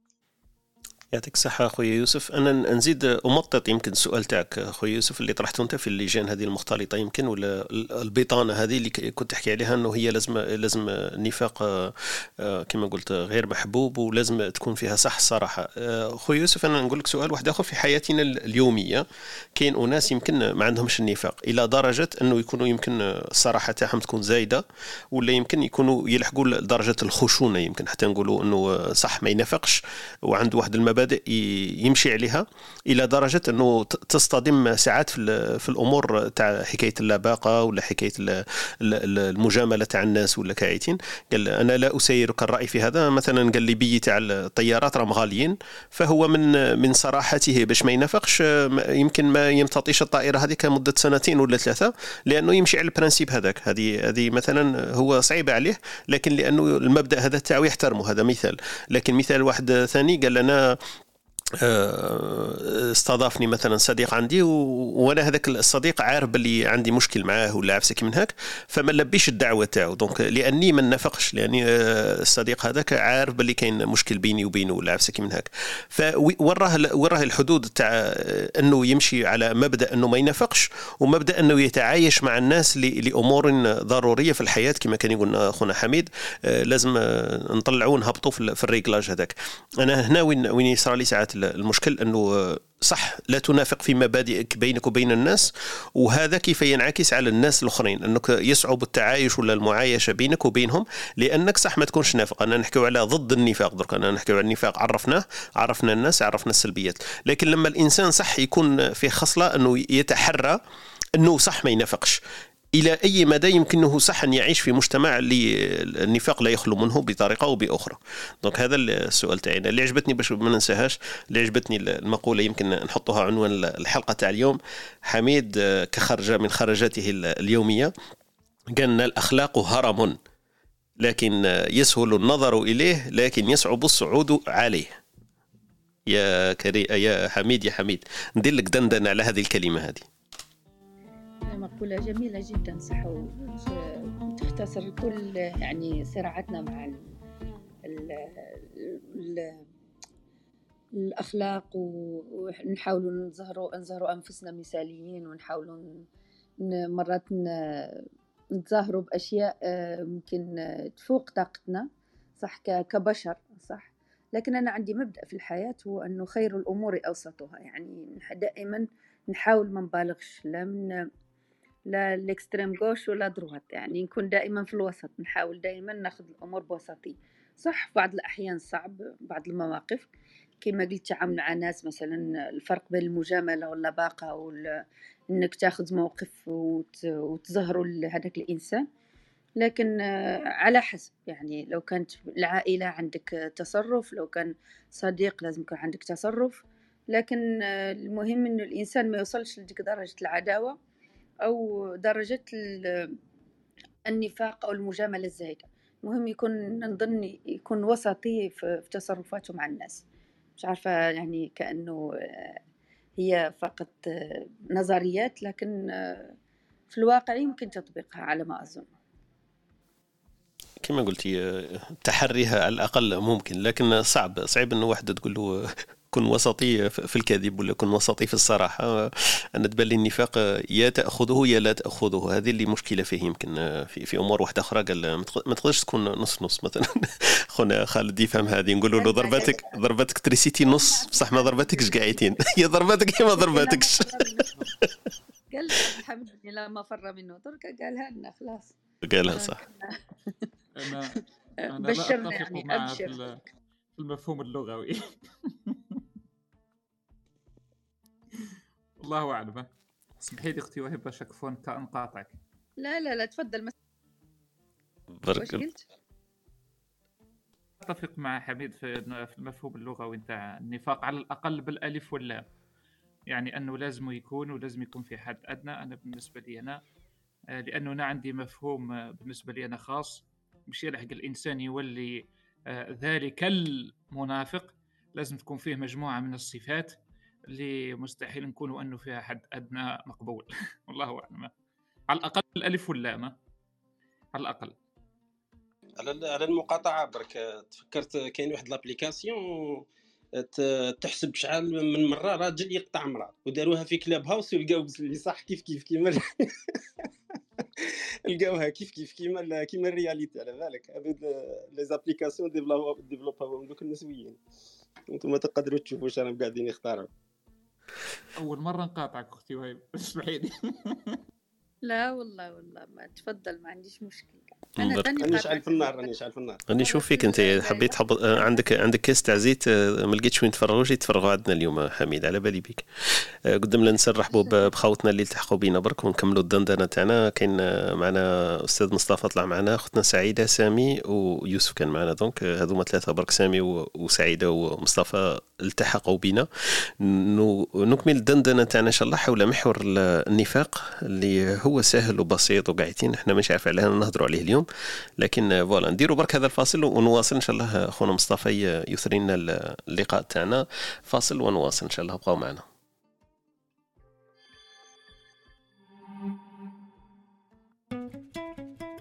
أنتم تستمعون إلى Espresso Talk مع طارق. يأتيكم يوميا ما عدا السبت والأحد من التاسعة إلى الحادية عشر بتوقيت أوروبا الوسطى وبيرن. تجدون فيها موسيقى، حوارات، أقوال، عبر وعبارات. استمتاع واستفادة يوميا. استمتاع واستفادة يوميا استماع واستفادة يوميا. هذا الهدف تاعنا والغاية تاعنا من المواضيع اللي نطرحوها حول الدندنة اللي ندندن فيها صباحيا. معنا في هذه الصباحية أستاذ مصطفى. أهلا وسهلا بك أستاذ مصطفى. السلام عليكم. صباحكم الله بالخير. واش راكم آه، إخواني وأخواتي إن شاء الله بخير. أهلا وسهلا بك. أنا تأخرت اليوم على القهوة شكلها ما بقاتش. كاين شوية مازالت عند حميد. حميد دركا يشوف كيف هي يسخنها برك يسخنها لك ويجيبها. جاب لي ربي أنا جاي نغسل الكيسان درك. إحنا هذا هو اللي يجي من تالي يقول شربت. يقول لك عندنا مثال جزائري يا أخي طارق يقول لك اللي فاتوا طعام يقول شبعت واللي فاتوا الكلام يقول سمعت الله يحسن خالتي. شوف آه النفاق آه أنا دخلت متأخر ولكن أكيد أنتم عرفتوه. النفاق هو الإنسان يبدي عكس ما يخفي. آه وأنت أخي طارق قلت ما شاء الله الموضوع هذا سهل والله حقيقة أنا أستطيع أقول أن الموضوع هذا سهل. النفاق أسهل ما يكون الإنسان منافق لكن أصعب أنه يكون إنسان غير منافق. من أصعب الأشياء. أنا أستطيع على ما أقول النفاق إنه فيه نفاق في الدين فيه نفاق في السياسة فيه نفاق في المعاملات فيه نفاق يا رجل في كل الأمور فيه نفاق وأكبر نفاق نعاني منه أن الإنسان يكون منافق مع نفسه. أنك أنت تعطي قيمة لنفسك أكثر مما أنت عليه حقيقة. وحتى الإنسان يجتنب هذه الأمور وجهة نظري أخي طارق أن الإنسان يجب أن يعيش بالطريقة التي خلقه الله سبحانه وتعالى عليها. أنت مصطفى. طير أهبط قفز موت جنح كيما دير تبقى مصطفى. ما تزيد ما تنقص. تبقى فقط أخلاقك مع ناس معاملتك مع ناس تكلمك مع ناس كذا. هذه الأمور هذه اللي تبين شكون هذا مصطفى حقيقة. من هذا مصطفى وناس تقيمك على هذه. والله ما تقيمك أنت مصطفى فلذلك ما تكذبش على نفسك. آه، فيه نقطة مهمة جدا كنت كنت سمعت فيها قضية الإنسان ينافق أثناء الكلام في السياسة وكذا. ما أعرف من ذكر الموضوع أنه تروح تقول للمسؤول وكذا تقول له والله الأوضاع ماشية جيدة. لكن في نقطة فيه مقولة جميلة جدا باللغة العربية تقول لكل مقام مقال ولكل فن رجال وليس كل ما يعرف يقال. معناه أخي طارق لو مثلا على سبيل المثال أخي طارق الآن سألتني قلت لي مصطفى وش رأيك مثلا في القمجة هذه؟ القميص هذا أبيض والكرافطة السوداء. أنا لو نافق عليك نقول لك هذه ممتازة وكذا رغم أن في قرارات نفسي ممكن ما عجبتنيش لكن استطيع نقول لك بطريقة إيش؟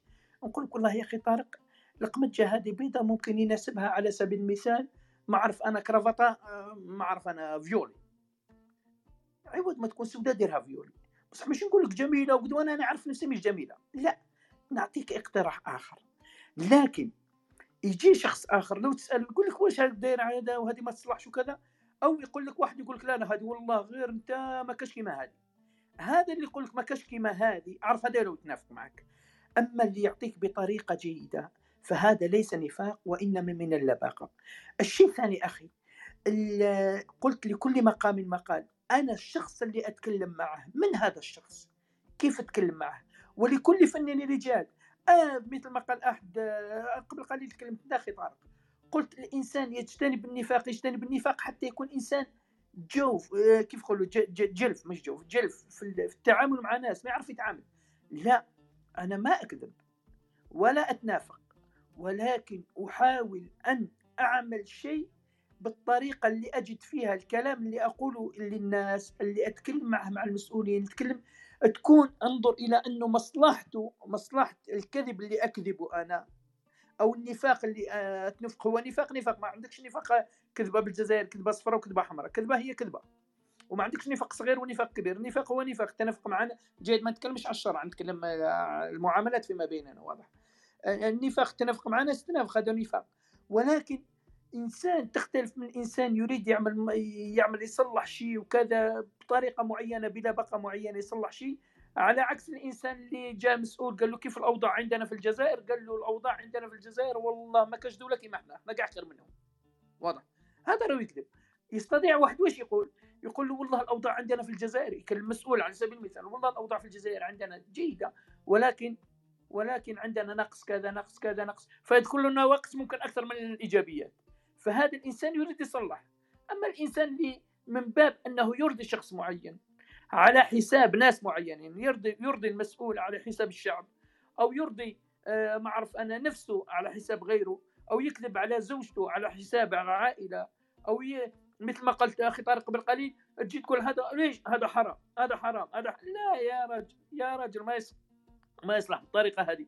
أتحرم كما كنت نتكلم مع واحد كنت نقرأ مرة كان عندي كتاب كان عندي يا أخوة تعرفوه كتاب مكتوب الحلال والحرام الحلال والحرام فواحد قريت عليه مكتوب عليه واحد كتبوا كتب هذا الحلال والحرام هذا اسمه الحلال والحلال. قال كل شيء فيه حلال. قال لهم واحد خلاص إذا هذا كل شيء حلال الحلال والحرام الحلال. قال لهم خلاص أنتم كتبوا كتاب اسمه الحرام والحرام. ديروا كل شيء حرام. فالإنسان لازم يعرف يتعامل مع ناس يعرف كيف يتكلم يعرف أنه يجتنب يجتنب الكذب. اللي فيه ناس تكذب من أجل الكذب وفيه ناس تنفق من أجل النفاق فقط. من أجل أنها توصل نفسها إلى مرتبة معينة. ولكن أني أنا أكلم مسؤول لأني لا أريد أن أصل وإنما أريد أن أصلح. أعتقد أنه أعتقد أنه أنا ما أتكلمش من الجانب الشرعي يا أخوتي أنا أتكلم مع كلام عامه أعتقد أنه هذا منفعته أكثر من مضرته وشكرا لكم فوتي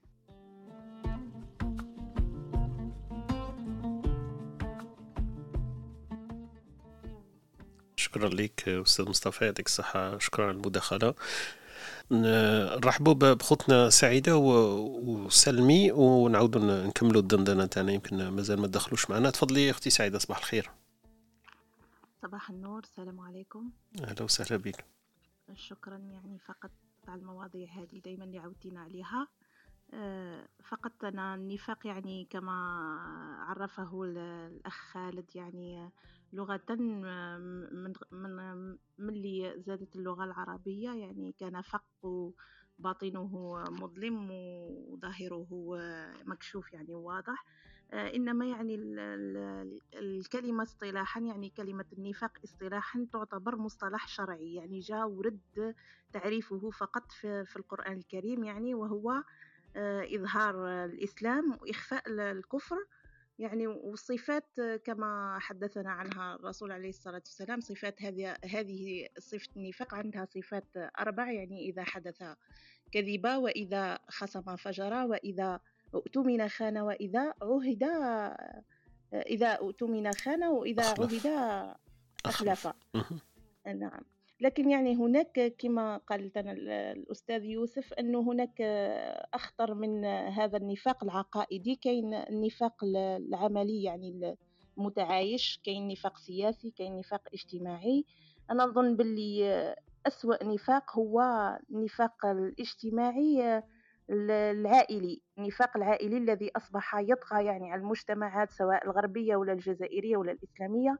كاين هناك ما يعرف بالنفاق العائلي أصبح يعني الزوجين يظهرين يظهران مودة ربما واحترام لبعضهما يخفيان لكن أشياء أخرى مثل البغض يعني و...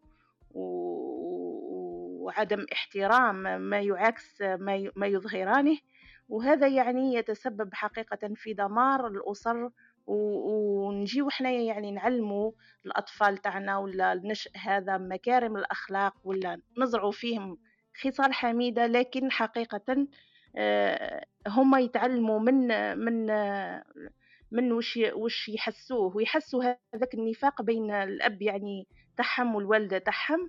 آه، ما نظنش يعني راح يجينا يجينا نشء آه، آه، كامل يستفاد من هذه الأخلاق الحميدة وهو قاعد يعيش يعني في هذا الوسط المنافق. وبعد ذلك يعني أكيد راح هذا الطفل يعني ولا النشء راح يدي هذه الخصال السيئة ويمارسها هو بطبيعة الحال سواء في المجتمع يمارسها على أصحابه ولا في الأسرة تاعنا. يعني أنا نشبه حقيقة أنه النفاق هذا هو بالون بالون كبير فارغ منتفخ لونه جميل لكن بمجرد لمسة إبرة ممكن ينفجر يعني ويتلاشى. كذلك النفاق يعني موقف بسيط ربما يكشف يكشف آه، كل كل ما يخفيه كل ما تخفى من الأمور السيئة. نظن باللي آه، كما آه، قال ربما الأستاذ مصطفى أنه آه، النفاق سهل وسهل جدا. أنا نظن العكس يعني. أرى أن الإنسان الصريح المتصالح مع نفسه الإنسان العفوي هذا هو يصعب عليه التعامل مع المنافقين. يشوفوا أمر صعيب جدا خاصة يعني إذا كانوا منافق آه، مقربين يعني هذا المنافقين يكونوا من مقربين إليه. يعني المشكلة كيف نتعامل مع هذا النفاق. شكرا.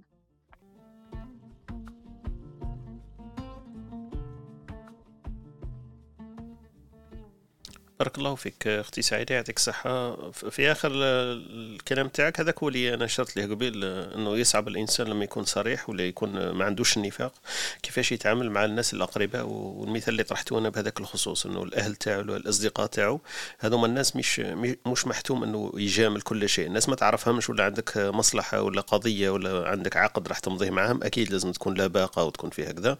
لكن الناس اللي تعرفك على صح على على واقعك وانت ماكش ماكش مضطر للتجميل فتكون صريح معهم إلى درجة هما يعرفوك وتعرفهم.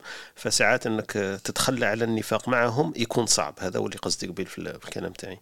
بارك الله فيك.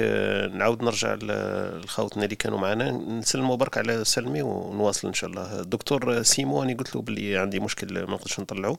يمكن يخرج ويعاود يرجع إذا كان حاب يتدخل معنا. آه، خونا سلمي تفضل. السلام عليكم صباح الخير للجميع. كما قلنا النفاق يعني مستقبح شرعا ومستقبح يعني بجميع اللغات والديانات يعني مستقبح بالفطرة بالقانون والى آخره. ولكن الإشكالية فقط في كما في ما يسمى ان صح التعبير مراتب وأنواع النفاق وال- والحكم على هذه الأنواع. مثلا كما يقول لك في واحد حتى خص لها ابن تيمية فصل في كتابه فصل العبد فيه ايمان وتكون فيه شعبة من شعب النفاق. يعني ليس بالضرورة كل شخص فيه شعبة من شعب النفاق انه نحكم عليه ما يسمى بالنفاق المطلق. الإشكالية هنا في التعامل في أحكام النفاق. يعني هناك النفاق الفاحش إن صح التعبير على على مستوى الكليات والأصول المعلوم من الدين بالضروره هنا لا تسامح معه. وهنا الذي يدخل في باب يعني النفاق الأكبر أو الدرك الأسفل من النار. وشعبة من شعب النفاق يعني يقدر الإنسان يكون يعني ما شاء الله كما قلت في هذه الزلة. حتى يعني يقول لك مات على شعبة من شعب النفاق يعني. ما يتخلاش عليها. هو مؤمن والى اخره نتكلم على تجربة حصل لي البارح أمس كما يقولوا في مكتب رئيس البلديه تاع تاع بولوغين يعني ما يخص ما يسمى بداية الحملة تاع الاستمارات. يعني تفاجأت واحد المديرة متقاعدة كما يقولوا راهي في فريق أو الخلية تاع كما يقولوا المترشح تاع المير. يعني تفاجأت من صراحتي. يعني أنا اشخص ما كنتش راح نتدخل ولكن شفتها يعني نوع من المبالغة كما يقولوا أو المجاملة المبالغ فيها للمترشح كما يقولوا الحالي المير. آه، آه، تدخلت لما عاتبت عاتبت إلى حد حتى قلت لها سبحان الله. مقاطعة الشباب الانتخابات. هذا حق دستوري مكفول دستوريا. بالرغم اني أنا شخصيا في العهده السابقه كنت مع هذا المير. ولكن يعني بديت ندافع على الرأي الآخر المختلف. تفاجأت كيف كما يقول من صراحة هذه في مكتب في مكتب كما يقول رئيس البلدية. في الأخير أني اعترفت بأنها كما يقولوا مديرة متقاعدة ابتدائية وما يخفى لكمش يعني مديره متقاعدة كما يقولوا عندها كما تعرف ناس يعني فيما يسمى الحملة والاخير باختصار كما كانت يعني قلت لها من حق هذا الشباب أنه يقاطع هذا حق دستوري مكفول قانوني يعني كما قلت لك لاحظت أن تشوف فيها بواحد النظره مستغربه كيف هذه الجرأة في مكتب الم... في مكتب رئيس البلدية وفي مناسبة تاع بدايه حملة انتخابية قبل الأوان في الاستمارات اولا استغربت في نفس الوقت واحدة مثقفة مديرة متقاعدة المجاملة اللي كما يقول لك للمدير كما يقولوا للمترشح لهذه الدرجة ان تعاتب الشباب على المقاطعة والعتاب يعني شديد وبنوع كما يقولوا الحكم عليه بصفة غير أخلاقية بالرغم ان كما قلت عندها مستوى ووعي ما شاء الله أن من المفروض يعني تدرك بأن هذا الأمر حق قانوني ودستوري والى اخره يعني تعجبني واحد العبارة كذلك كما يقول ذكر الأخ من قبل ليس كل ما يعرف يقال وليس كل ما يقال حان حضر أهله وليس كل من حضر أهله حان وقته وليس كل من حان وقته صح قوله. يعني بعض الأحيان كما يقول لك إذا كانت صراحة يعني كما يقولوا ضرب الإنسان هذا والإنسان ربما يتراجع أو اللي كما نقول لك لظروف خاصة الإنسان ما يستعجلش يحكم عليه بالنفاق يعني. على هذيك قدمت هذا المثال يعني وليس كل ما حان وقته صح صح صح قوله. ونختم بهذه يعني كنت حضرت واحد في مركز الإنسان بشوتغارد وزير الشؤون الدينية الاردني للأسف اسمه ما شاء الله كانت هذيك المناسبة في ما يسمى هرول هرولة الدول الحكام العرب أو دول طوق إلى المسمى التطبيع مع إسرائيل في وادي عربة. عجبني وكان من المعارضة بالأردن. عاد نخدم بهذه العبارة. قال إذا على حكام العرب قال إذا لم يخلق إذا لم يكن هذا نفاق يعني رفع شعارات ما يسمى رفض التطبيع والى آخره. وفي الاخير يهرولون التطبيع. إذا لم إذا لم يكن هذا نفاق فأقسم بالله بأن الله لم يخلق على وجه هذه الأرض نفاق. بارك الله فيكم يعطيكم الصحة.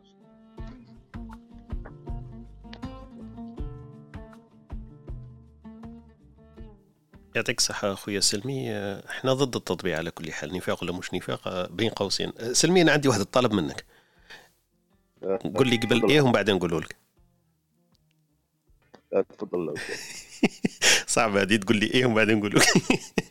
شوف أنا عندي واحد الجملة أسمع عندي واحد الجملة هو يسلمي حابك تعاودها لي. قول لي المواطن عند رؤيته اللوحة آه، رقم 80 كيلومتر عليه مخالفة ثمنها 1200 دينار. نعم. لا قولها لي عاودها لي بصوتك. آه، المواطن لما يشوف المخالفة 80 كيلومتر عليه مخالفة 1200 دينار هكذا هذه هي. أنا سجلتها درك هذه. تبان لي بلي صوت تاع العزوني ولا مش عارف كيف يسموه بكري هذاك تاع الطريق الله يرحمه الصوت تاعك لما سمعته بان لي صوت العزوني الله يرحمه. المواطن وعندك واحد الصوت ما شاء الله عليك. بارك الله فيك. هذه للطرفة برك. يعطيك الصحة اخويا سلمي بارك الله فيك. آه، نرحبوا بخونا سيمو وخوتنا أسماء. نعاودوا نرجعوا لهم شوية لأنه كاين اختنا وهبه وحميد يمكن ولا كريم حبوا يدخلوا. نعطوهم الكلمة ونعاودوا نكملوا الدندنة تاعنا. كريم آه، أهلا وسهلا. كمل. الله يسلمك. غير تدخل خفيف بركه ضحكتني. قاعد نقرأ قال لك ضارب زوج ملاير في عهد فخامته وراح كلاها بكل شوا وتبراح. وزرد وعرسات ومن بعد نهار نبدا الحراك. آه، كان يخرج يقول لك كليتو البلاد يا السراقين ودركا كي مات بو- بوتفليقه راه الله يرحمه زعما نطلبوا له الرحمة على الرغم أنا كنت ضده. الأفكار تاعو الواحد. قال لك دركا كاتب في الفيسبوك عند الله تلتقي الخصوم قال لك ما نوع هذا النفاق يعني؟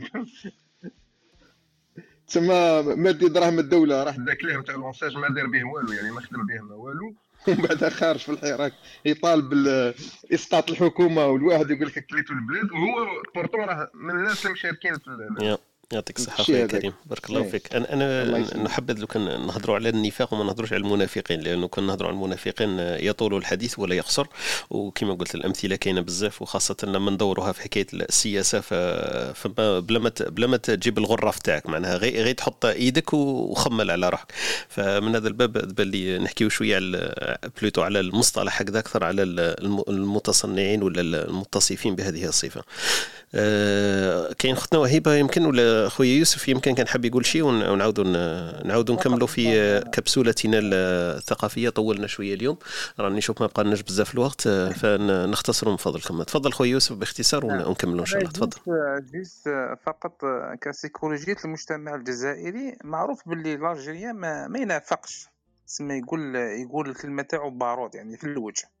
ولكن في العقدين الماضيين تغيرت سلوكيات الجزائري ولا ولا هذا النفاق موجود للأسف الشديد وطغى ربما لأن الناس على دين ملوكها باش نقولوها شفتوا آه، نفاق الإعلام نفاق آه، في كل شيء يعني كل شيء. ونرجع لقضيه قضية المهرز اللي حبيت نحكيها لكم. آه، يعني يقولوا باللي كان السلطان السلطان يعني كان في مجلس ومفروض المجلس يكون فيه مستشارين ووزراء كي السلطان يديريفي يقولوا له لا لا ولكن كما لما يكون السلطان عنده سطوة وعنده هذاك يعني مفارض نفسه البطانة كاع بين قوسين كاع شياتين. يعني كشياتين والشجر صرا الجزائر في في في, في, في العقدين الماضيين. فالسلطان بدا يحكي لهم بدا يحكي لهم على على المخزن على على ال- الخزينة وفيها القمح والشعير والمواد المؤونه ومن بعد قال لهم شفتوا قال لهم للأسف الشديد هو باش يبرر الفشل ديالو. قال لهم باللي أو الفار كلا كلا كلا القمح وكلا الشعير ما كانش واش نعطوا الرعيه هذه للشعب هذا. قال له و- وللشياتين البطانة؟ ويقولوا واه سيدي كاينة كاينة منها الفار ياكل قال حتى وين قال السلطان؟ قال لهم حتى المهراز اللي كنا ندق ندقوا فيه كلاه كلاه الفار. بين قوسين الشيات البطانة السي بطانة السوء. قالوا واه سيدي كاينة منها حتى الفار يأكل مهراز ويأكل أكثر من المهراز. هذا هو وشكرا لكم.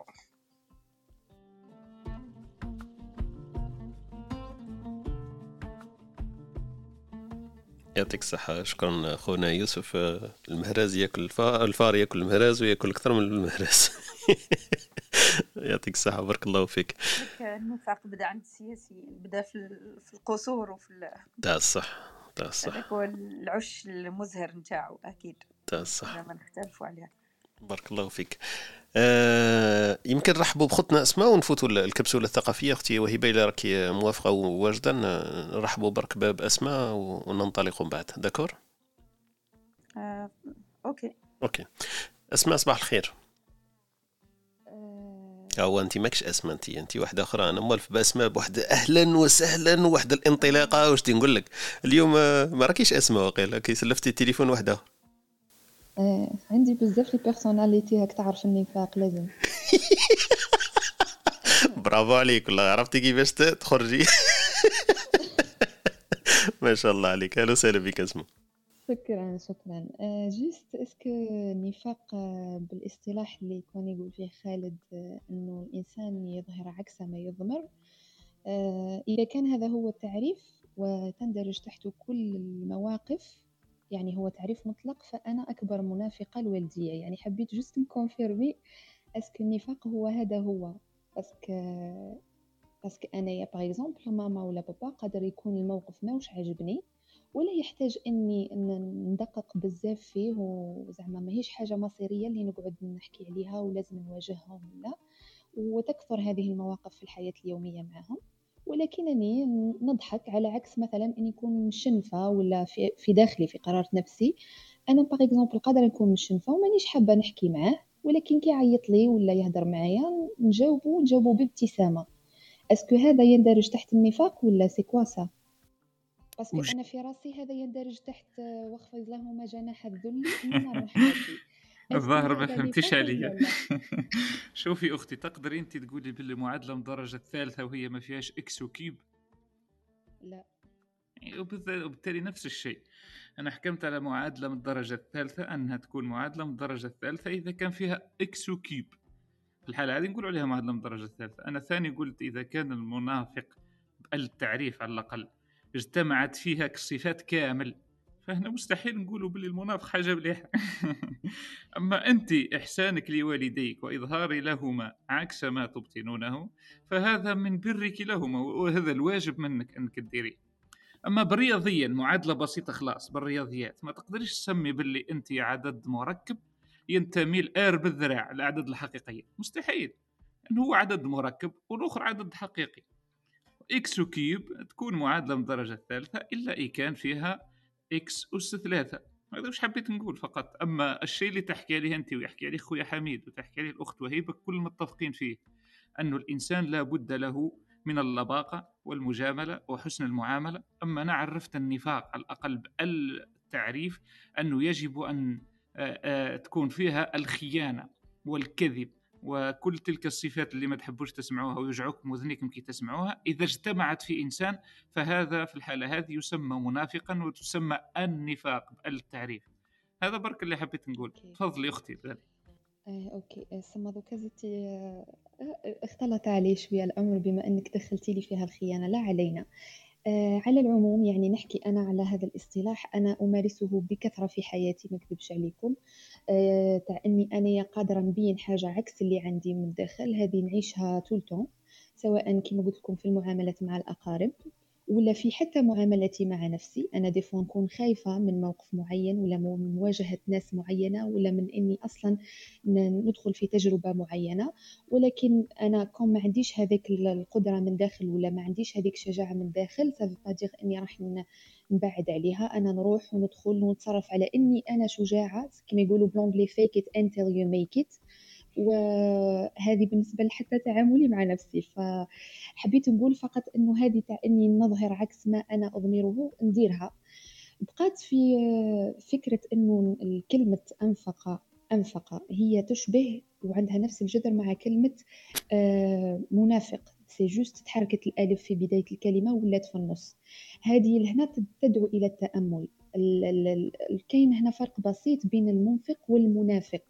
المنفق هو par exemple من وجهة نظري هو الإنسان اللي عنده حاجة par exemple عنده علم ولا عنده مال ولا عنده آه، مهم قيمة معينة عنده فيها هكا ثراء معين ويريد أن ينفقها يعني إنه يعطيها ويبذلها في المجتمع. أما المنافق هو هذيك القيمة ما عندوش سواء كانت مال ولا مثلا أخلاق ولا مثلا علم وهو يريد أن ينفقها. هنا هو كما قلتي أنت يا خالد قاعد يخون يخون في الناس في الأفراد في المجتمع. حاب يمد لهم ويصدر لهم صورة هي غير لا يملك مقوماتها بالأساس في الداخل. je pense هذا هو الحاجة الوحيدة اللي أنا نقدر نفرق بها surtout في المعاملات ال- مع الأفراد في المجتمع بين ال- ال- ال- الإنفاق والنفاق parce que هما يتداخلوا بعض الشيء أحيانا. هي تسلكها هنايا غير النية وتسلكها آه، اسكو صح؟ أنت عندك مثلا أنا جاية في روم قاعدة نحكي على عفسة معينة ولا قيمة معينة ولا علم معين. أنا ما عنديش هذاك العلم ولا نحكي على أخلاق معينة وقاعد أنادي بها. أنا ما عنديش مثلا. هنا أنايا أظن إني دخلت في النفاق. كما الإنسان ال- ال- ال- المنافق مثلا في الشرع هو في الدين هو الإنسان اللي يبذل في الإيمان ويظهر سلوكات إيمانية وأقوال إيمانية بينما هو ما عندوش هذه في الداخل. القيمة هذه مش موجودة. على علاه هو أشد من الكافر. الكافر خارجها صح صح باطنه كظاهره.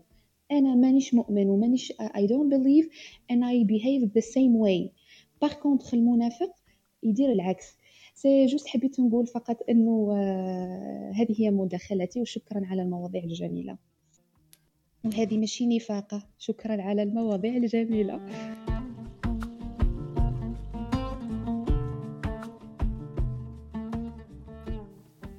الجملة التالية هي اللي أكدت لي بلي هي أسماء اللي نعرفها. donc voilà euh, شكرا لكم. يعطيك الصحة وشكرا أسماء المداخلة تاعك. آه، اني حاب نفوت نخلو النقاش مفتوح لكن نشوف باللي طولنا بزاف على أختنا وهبه تفضل خالد كلمة ونفوتوا الكبسولة الثقافية إذا شئت. لا نفوتوا الكبسولة الثقافية OK.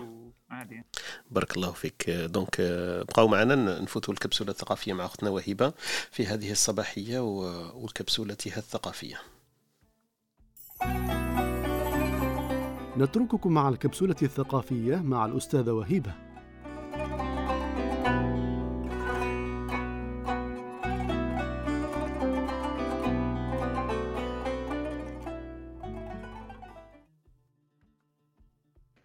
صباح الخير ونجدد ترحيب بكل الحاضرين معنا المستمعين. آه، الأمس اليوم جبت لكم أمثال شعبية يعني عندها بلي عندها علاقة بخلق النفاق وبما أنه قلنا أنه خلق متشعب وفيه آه، ويجمع آه، عدد من الأخلاق يعني المنبوذة. يقول لك المثل الأول يقول لك اللي باعك بالفول بيعه بقشور. هو بما أنه دائما في النفاق يوجد الخيانة يوجد آه، خلف ال- العهد والقول. إذا يقول لك الإنسان اللي يتخلى عندك طبعا تتخلى عنه والمثل اللي يقول لك اللي باعك بالفول بيعه بقشور ومتأكدة أنه هذا المثل موجود عندكم في آه، في في المجتمع الجزائري بكثرة في كل مناطق الوطن. يقول لك المثل الثاني يقول لك آه، الرجال تعرف الرجال والخيل تعرف فرسانها. معناها الرجال تعرف الرجال والخيل تعرف فرسانها معناها إنه الرجل اللي عنده كلمة والرجل اللي عنده هيبة وعنده قيمة في المجتمع معروف بحسن أخلاقه دائما يقول لك الرجال تعرف الرجال والخيل تعرف فرسانها. والمثل الثالث يقول لك يا المزوق من برا وش حالك من الداخل؟ يعني المزوق من برا وش حالك من الداخل؟ وهذه تدخل في مسألة آه، الباطن والظاهر يعني الإنسان وش يظهر هل هو الحقيقة باطنه آه، مثل ظاهره أو أنه يحاول يظهر خلاف وش هو عليه. وبالنسبة للأمثال العربية والحكم اللي لقيتها حبيت نشاركها معاكم يقول لك آه، لا تبالغ في المجاملة حتى لا تسقط في بئر النفاق. وهذه الحاجة اللي هدرنا عليها اليوم إنه المجام في خيط رفيع بين المجاملة والنفاق. يعني يجب أن الإنسان ألا يبالغ يعني يستعمل المجاملة بالقيس اللي يحتاجه بدون زيادة. يقول لك آه، تاني النفاق أخ الشرك وهذه عارفينها بأن المنافقين هم أصلا آه، في عهد الرسول صلى الله عليه وسلم كانوا ناس كفار وكانوا يظهروا الإسلام. آه، وكذلك الحكمة الأخرى هي من عمل عملا من عمل ما ليس من طبعه ولو كان صوابا تعرض لخطرين خطر النفاق وخطر الإخفاق. إذا نعاود لكم من عمل ما ليس من طبعه حاول يتظاهر بشيء مش طبعه ولو كان صوابا تعرض لخطرين خطر النفاق وخطر. آه، الإخفاق. وشكرا هذه الأمثال والحكم اللي جبتها لكم. وإذا فيها في ثقافتكم ولا أمثال تعرفوها مشابهة لها شاركونا مع شاركوها معنا من فضلكم. شكرا.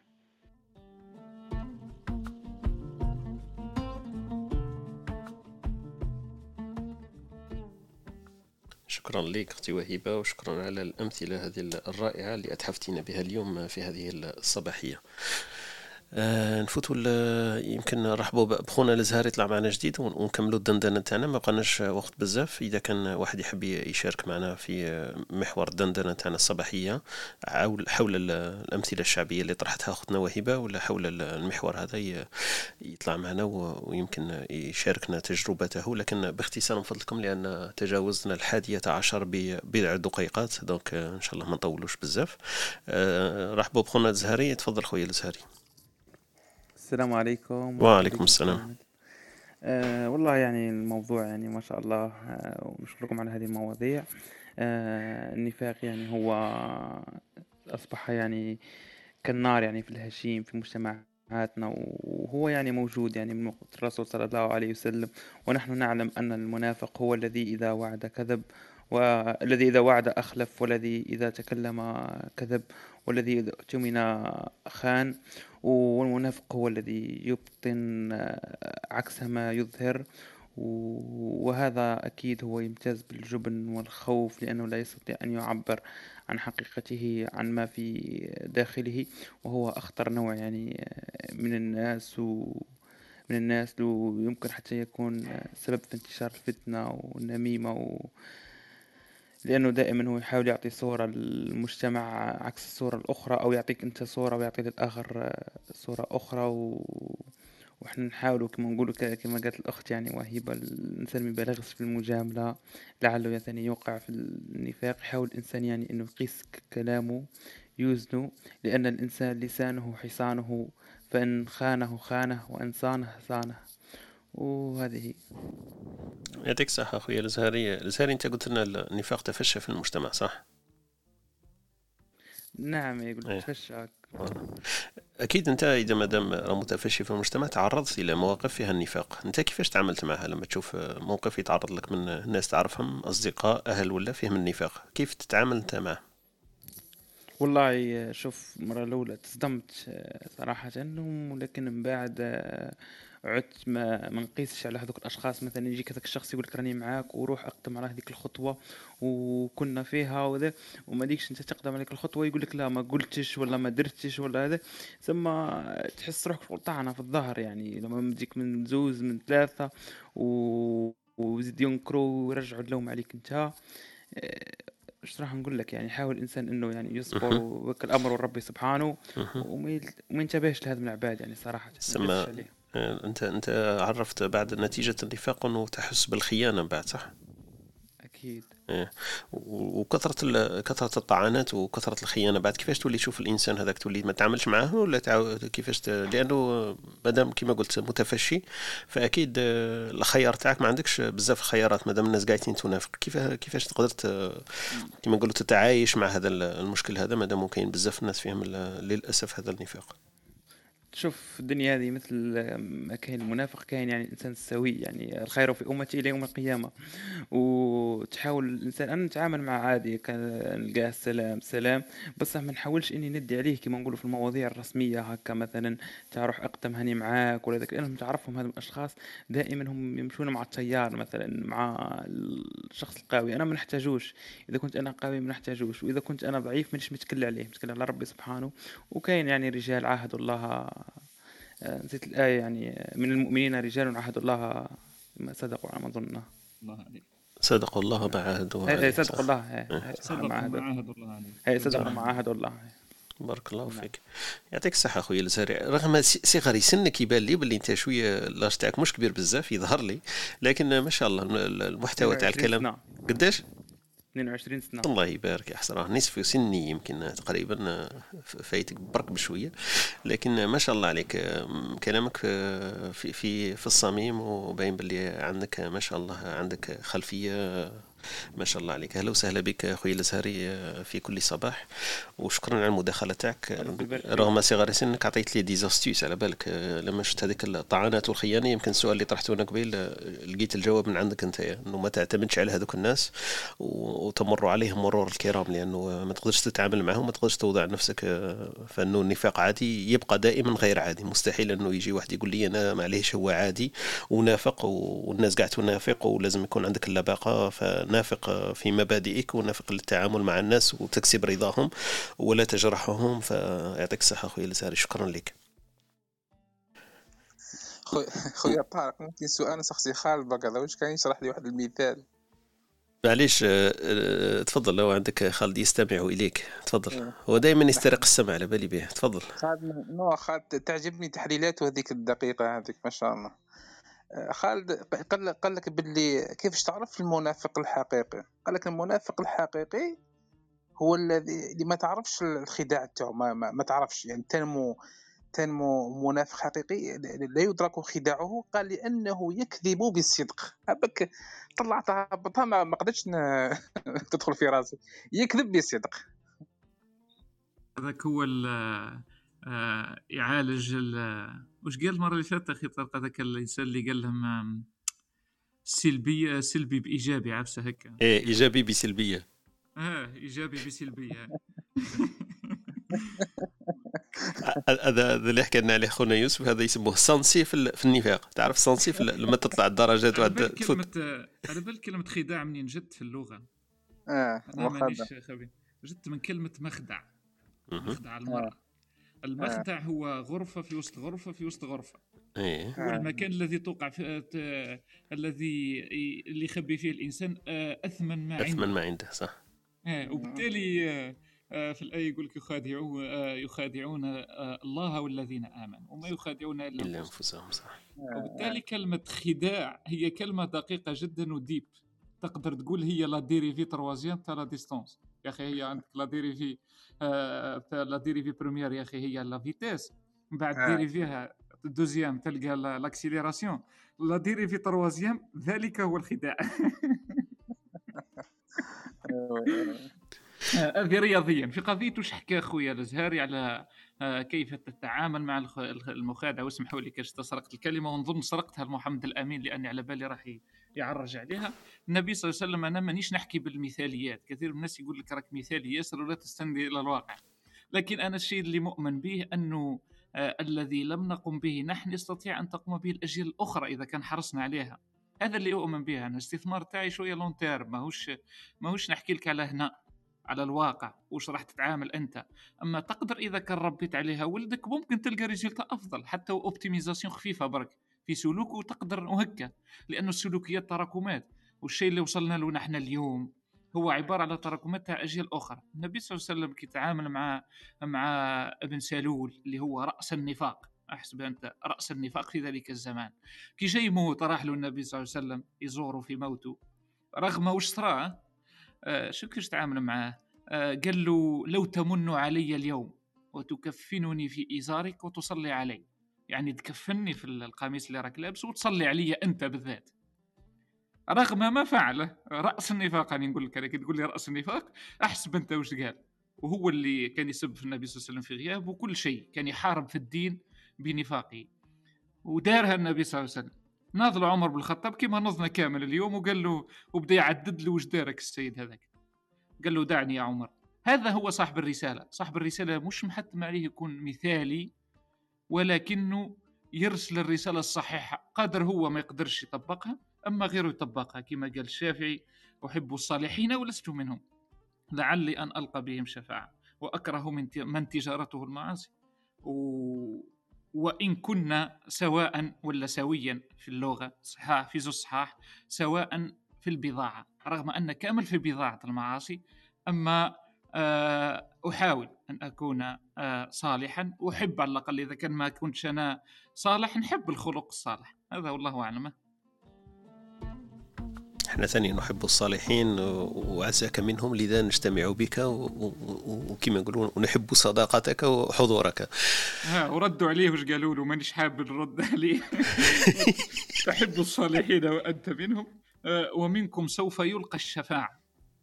وتكره من تجارته المعاصي. وقاكم الله أنتم ثاني. وقاكم الله. الله شر البضاعة. آمين.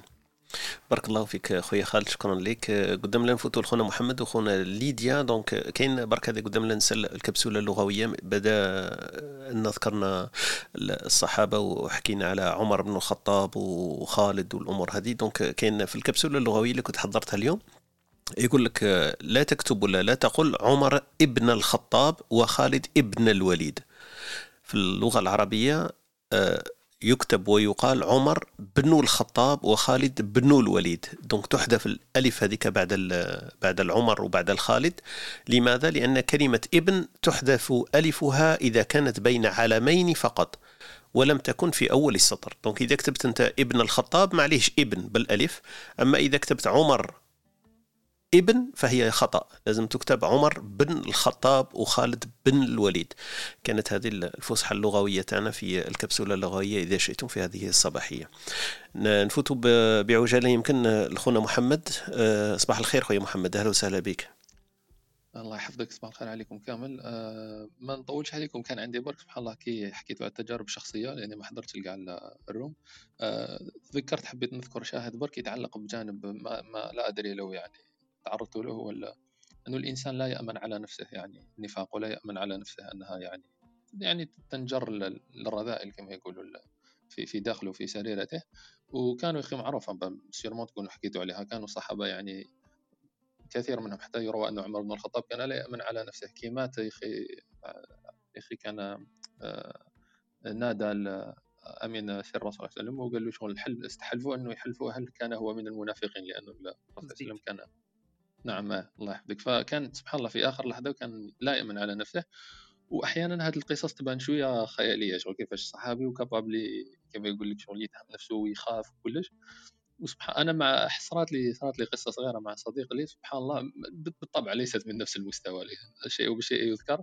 آه كاين ناس سبحان الله يعني في حياتهم شفت تطبيق لهذا واحد صديق لي واحد العام كان عندي اسمه كان عندي عملية جراحية شوية ما كانش يعني خطيرة ولا مي واحد يخاف شوية ما كنت خليت له وصيته خليت له أعطيته يعني المايل تاعي وعطيته عطيته يعني أمور وصية هكذا وعطيته خليته قلت له خلي لك ال password يعني ال mot de passe تاع تاع تاع ال mail تاعي تاع كلش عطيت له ما حبش.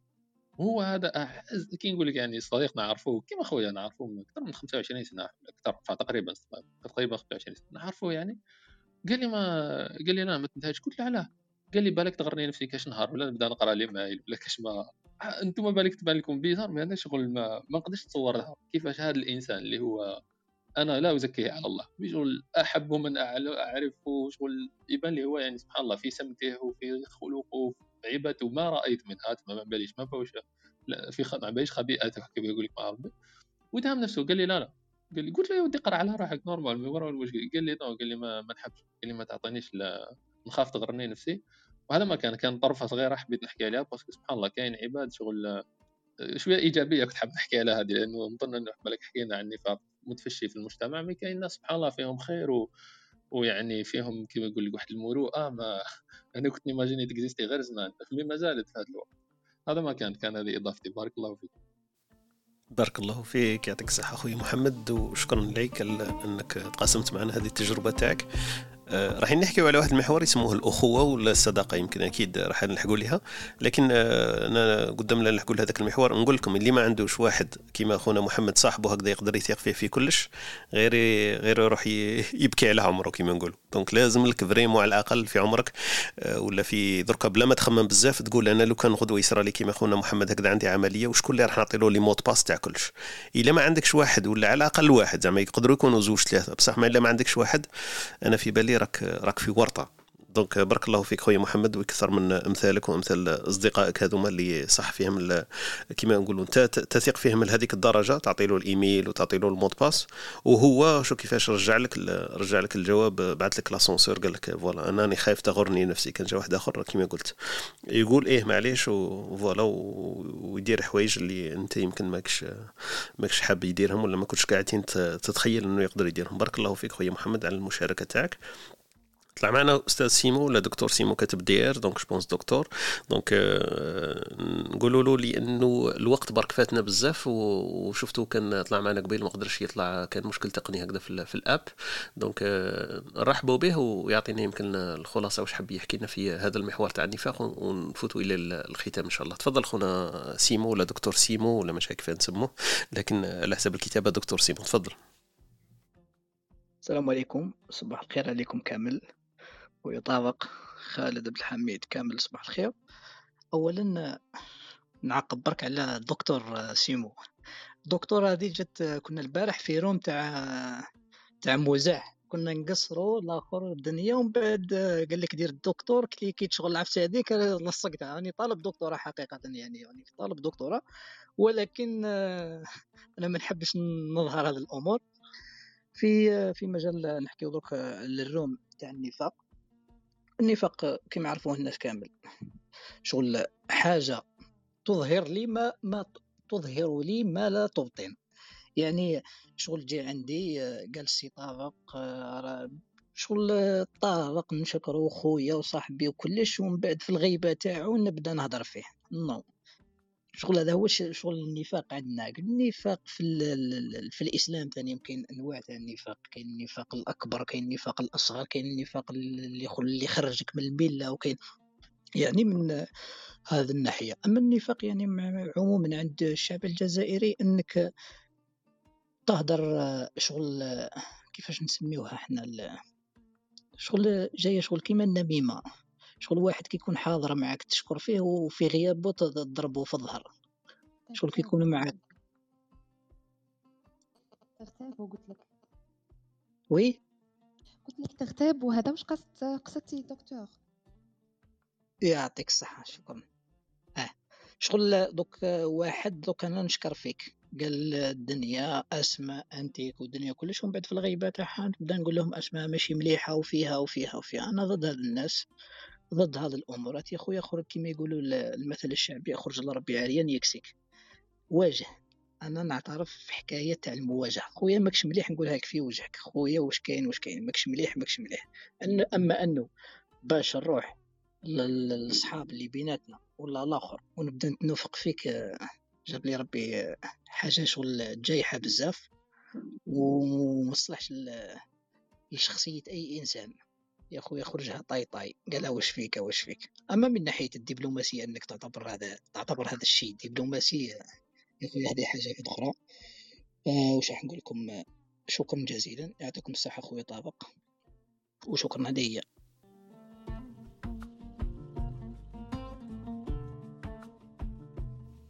يعطيك الصحة خونا سيمو ولا دكتور سيمو. donc بارك الله فيكم. يعطيكم الصحة على المداخلات آه، الصباحية تاع هذا ال- المحور اللي دندنا عليه. قدام لنا نفوتوا الكلمات الختامية نشكروا خوتنا اللي كانوا آه، يسمعوا معنا في هذا الصباح. آه، معنا كالعادة سعيدة وعقبة ومروة ومحمد. محمد كان حتى دخل معنا قبيل. خونا عبد القادر أهلا وسهلا بك. محمد يونس أمين ريم بسام مصعب أحمد لينا نا- نادية معنا. خديجة كذلك أهلا وسهلا بكم. آه، محسن وميس وكاين واحد آخرين الأسماء غير ظاهرة ولا غير واضحة للقراءة. بارك الله فيكم. شكرا لكم كامل على المداخلات تاعكم. وقدام لنا نفوتوا الكلمة الختامية نديروا برك هذا ال jingle تقريبا الختامي ونفوتوا الكلمات الختامية. بقوا معنا. شكرا لاستماعكم لبرنامجنا. كنتم مع Espresso Talk مع طارق. تابعونا live يوميا من الاثنين حتى الجمعة. تجدون تسجيل في شكل بودكاست على موقعنا studio T dot FM أو على Spotify أو Apple Podcast أو منصتكم المفضلة للبودكاست. لا تنسى أن تشاركه مع من يمكن أن يهمه موضوع الحلقة. ليصلك تنبيه عند بدء غرفنا الرجاء الانضمام إلى الكلوب هاوس عبر الضغط على البيت الأخضر في الأعلى.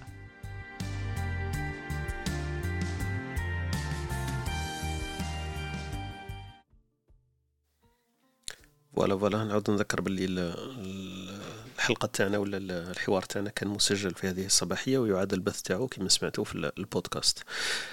نفوتوا الكلمات الختامية نبداو آه، يمكن ب- بخوتنا أسماء راني نشوفها هي الأولى في ال- في القائمة. أسماء كلمه ختامية في هذه الصباحية تفضلي. آه، في الحقيقة يعني حبيت نقول برك باللي ال- المنافق هذا اللي يحاول يأخذ ويعيش بصورة آه، لا يستطيع أنه يتواصل فيها لأنها ما هيش حقيقة فيه هذه أولا. وفقط هو باش يعني يساير المجتمع وش يراو يقيم المجتمع. يعني مثلا واحد يزوج بنته بطريقة معينة آه، فقط من أجل أنه آه، يرضي المجتمع ويكون في النظرة اللي يتوقعها المجتمع. هذا الإنسان هو في الأخير اللي راح يتعب فقط. فالمنافق حتى ولو إحنا ما عرفناهش في كل الأصعدة يعني آه، لأنه حتى النبي يعني الرسول عليه الصلاة والسلام كان ما يقدرش يعرف المنافقين بزاف. كما تقول الآية ومن ومن أهل المدينة مردوا على النفاق. لا تعلمهم نحن نعلمهم. يعني الإنسان أنا تبان لي ما يبقاش يتحرى المنافقين هذو في آه، في l'entourage تاعو ولا. آه، c'est juste يخليهم برك. هما وحدهم مع الوقت يبانوا باسكو حيبانوا وهما أصلا تجدهم تعبانين بزاف وهشين جدا. فهذه هي برك واش حبيت نقول. النفاق هذا يعني حبل قصير كيما الكذب ويتعب غير مولاه. وشكرا لكم. ونهاركم طيب. شكرا لك أختي اسماء شكرا على المداخلة تاعك والحضور تاعك وشرفتينا بالحضور تاعك. أهلا وسهلا بك دائما في اللقاءات الصباحية تاعنا. نفوتوا لخونا يوسف وبعد نشوفوا مع سيمو الزهري قبل ما نختم مع خوتنا اللي راه معنا في ال- في ال stage. خويا يوسف كلمة ختامية في هذه الصباحية. تفضل. نعم والله صحيتو بارك الله فيكم وكاع ميرسي عليكم. شكرا خالد عبد الحميد طارق وهبه خاصة الأمثال الشعبية هذيك c'est très important. ويعني والمثل الشعبي صح يربي لأنه متوارث جيل عن جيل. وتعطي تعطي هذه تعطي هذه التربية في المجتمع. أنا نقول باللي النفاق هو كلمة وموقف ومسؤولية. آه، يعني آه، إما أن يعني يعني قد تهدم دول كذا. وشفنا باللي ما, ما نعيشه نحن الآن من أزمات التي تعيش فيها الجزائر البلد القارة. ممكن كانت قدر تكون بغير النفاق أن تكون في غير هذا وشكرا.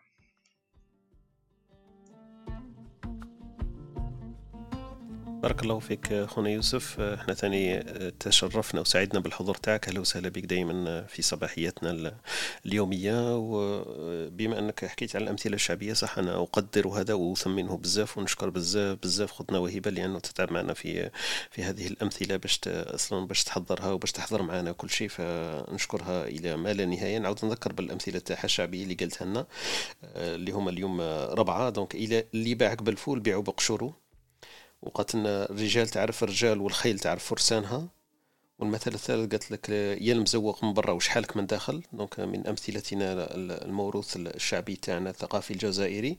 وقالت لك لا يبالغ في المعاملة حتى آه، حتى يقع ولا يسقط في النفاق. والنف... مجاملة. المجاملة يمكن إيه صح المجاملة ليست المعاملة. المجاملة حتى يسقط في النفاق والنفاق أخو الشرك هذا مثل يمكن معروف أكثر في, في الأمور العقائدية. فبارك الله فيك أخونا يوسف مرة ثانية وبارك الله فيك أختي وهبة على ال- الأمثلة هذه الصباحية. نفوتوا آه، ال- ال- دكتور سيمو يمكن هو اللي ما زال ما قلتلوش كلمة ختامية والزهري ما زالوا معنا. تفضل كلمة ختامية أخونا سيمو. حاب نقول في, في هذا الشيء أنه النفاق من صفات ال- الشغل اللي ماشي ملاح البغيضة كما قال يوسف النفاق هذا يهدم يهدم أسر يهدم بلدان يهدم كلش. في حاب نقول تاني باللي يفول الواحد الصفة هذه تاع المنافق يفيتيها au maximum. خطيك تعرف واحد منافق ايفيتيه لأنه راح يعكر لك غير الصفو تاعك ما تحاولش تتعامل معهم بزاف. إيفيتيهم قدر المستطاع. وكما قال كاين على ما عقد حديث تاع الرسول صلى الله عليه وسلم. آه، يحكي عن النفاق. يقول يعني إذا من الصفات هذه تاع المنافق فيه المكر فيه الخداع فيه الكره فيه الكذب. يعني قال في كيف كاين واحد الحديث يقول لي إذا إذا حدث كذب وإذا اؤتمن خان يعني فيه الصفات هذه كامل تبع النفاق آه، هذه هي. شكرا جزيلا. شكرا طارق خالد خالد عبد الحميد وهيبة يوسف الأزهري. شكرا جميعا. تحياتي لكم. تمنياتي لكم بيوم سعيد. السلام عليكم. بارك الله فيك. خونا سيمو ثانيك. سعدنا باللقاء تاعك وبالمداخلة تاعك. خويا الزهري كلمة ختامية في هذه الصباحية. تفضل. آه والله آه، شوف آه، النفاق يعني هو شيء يجب علينا كلنا يعني نحاول إنه نبعدوا عليه. إن مثلا آه، الإنسان ينتقي كما نقولوا عباراته في هذه الحياة يا إما أن تكون أو لا تكون يعني ما كانش حاجة ثالثة. الموت على شيء أفضل من العيش بلا هدف. ويقول يعني عنتر بن شداد لو أرسلت رمحي مع جبان لكان بهيبتي يلقى السباع. الإنسان يعني لما يكون شجاع ويكون قوي فقط يعني حضور ولا كلمة منه فقط تقلب الموازين. أما هذا المنافق ما عندوش موقف ما عندوش يعني آه، آه، هو فقط إمعة و- وأنا نشكركم يعني صراحة على هذه الغرفة وسررت بوجودي معكم وتحياتي إليكم جميعا. خويا الازهري شكرا لك ثانيك على المداخلة تاعك والحضور تاعك في هذا اللقاء الصباحي تاعنا. آه، خالد وهبة و- وحميد. كلمة ختامية. أنا أبدأ. ثم أترك الختام للمسكين أو المسكان. لا لا. أنا إيه. سلكت منها وأنت ثاني عكس سلكت منها هي راه. تفضل. الله فيك خويا طارق. وربي يجازيك من كل خير. و حميد اليوم ما خليناش يهضر ياسر راه زعفان شوي. آه، أما معليش. آه، حبيت نوصي كل إنسان أنه يجب أن يتحرك. وديناميكية الحياة تطلب منا التحرك والتحسن آه، والارتقاء في المبادئ وفي الأخلاقيات هذه. كما نرتقوا في جوانب أخرى لازم ديما نهز العامل هذا بعين الاعتبار لأنه نشوف باللي العامل هذا هو اللوسيني هذاك اللي يخلي النجاح تاعك يرتفع بإيجابية أو يرتفع كما قال الله عز وجل في الآية لمن شاء منكم أن يتقدم أو يتأخر فالتغيير فيها فيها. آه، قادر يكون يقول لك إما أن تدفع ثمن التغيير أو تدفع ثمن عدم التغيير. فختاما نعاودك الأبيات نتاع قبيلة. آه، قالوا يزورك طارق وتزوره. قلت المكارم لا تفارق غرفته. إن زارني فبفضله وإن زرته فلفضله فالفضل في الحالين له. شكرا خويا طارق وبارك الله فيك.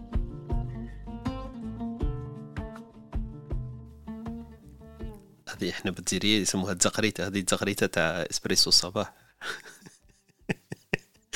بارك الله فيك هذا من كرمك وطيب أخلاقك. ويعطيك الصحة أخوي خالد وأنا ثانيا سعيد كل السعادة بتعرفي عليك مبدأ ولا ابتداء وبحضورك معنا في هذه الصباحيات آه، ثانيا. وليس استثناء دونك أهلا وسهلا بك في كل وقت ويشرفني سماع صوتك دائما واطلاع على أفكارك وأخبارك. بارك الله فيك. نفوتوا لخوتنا وهبه وأخونا حميد تفضلوا تفضلي. نخل نخلوا الخاتمة والختام لعبد الحميد.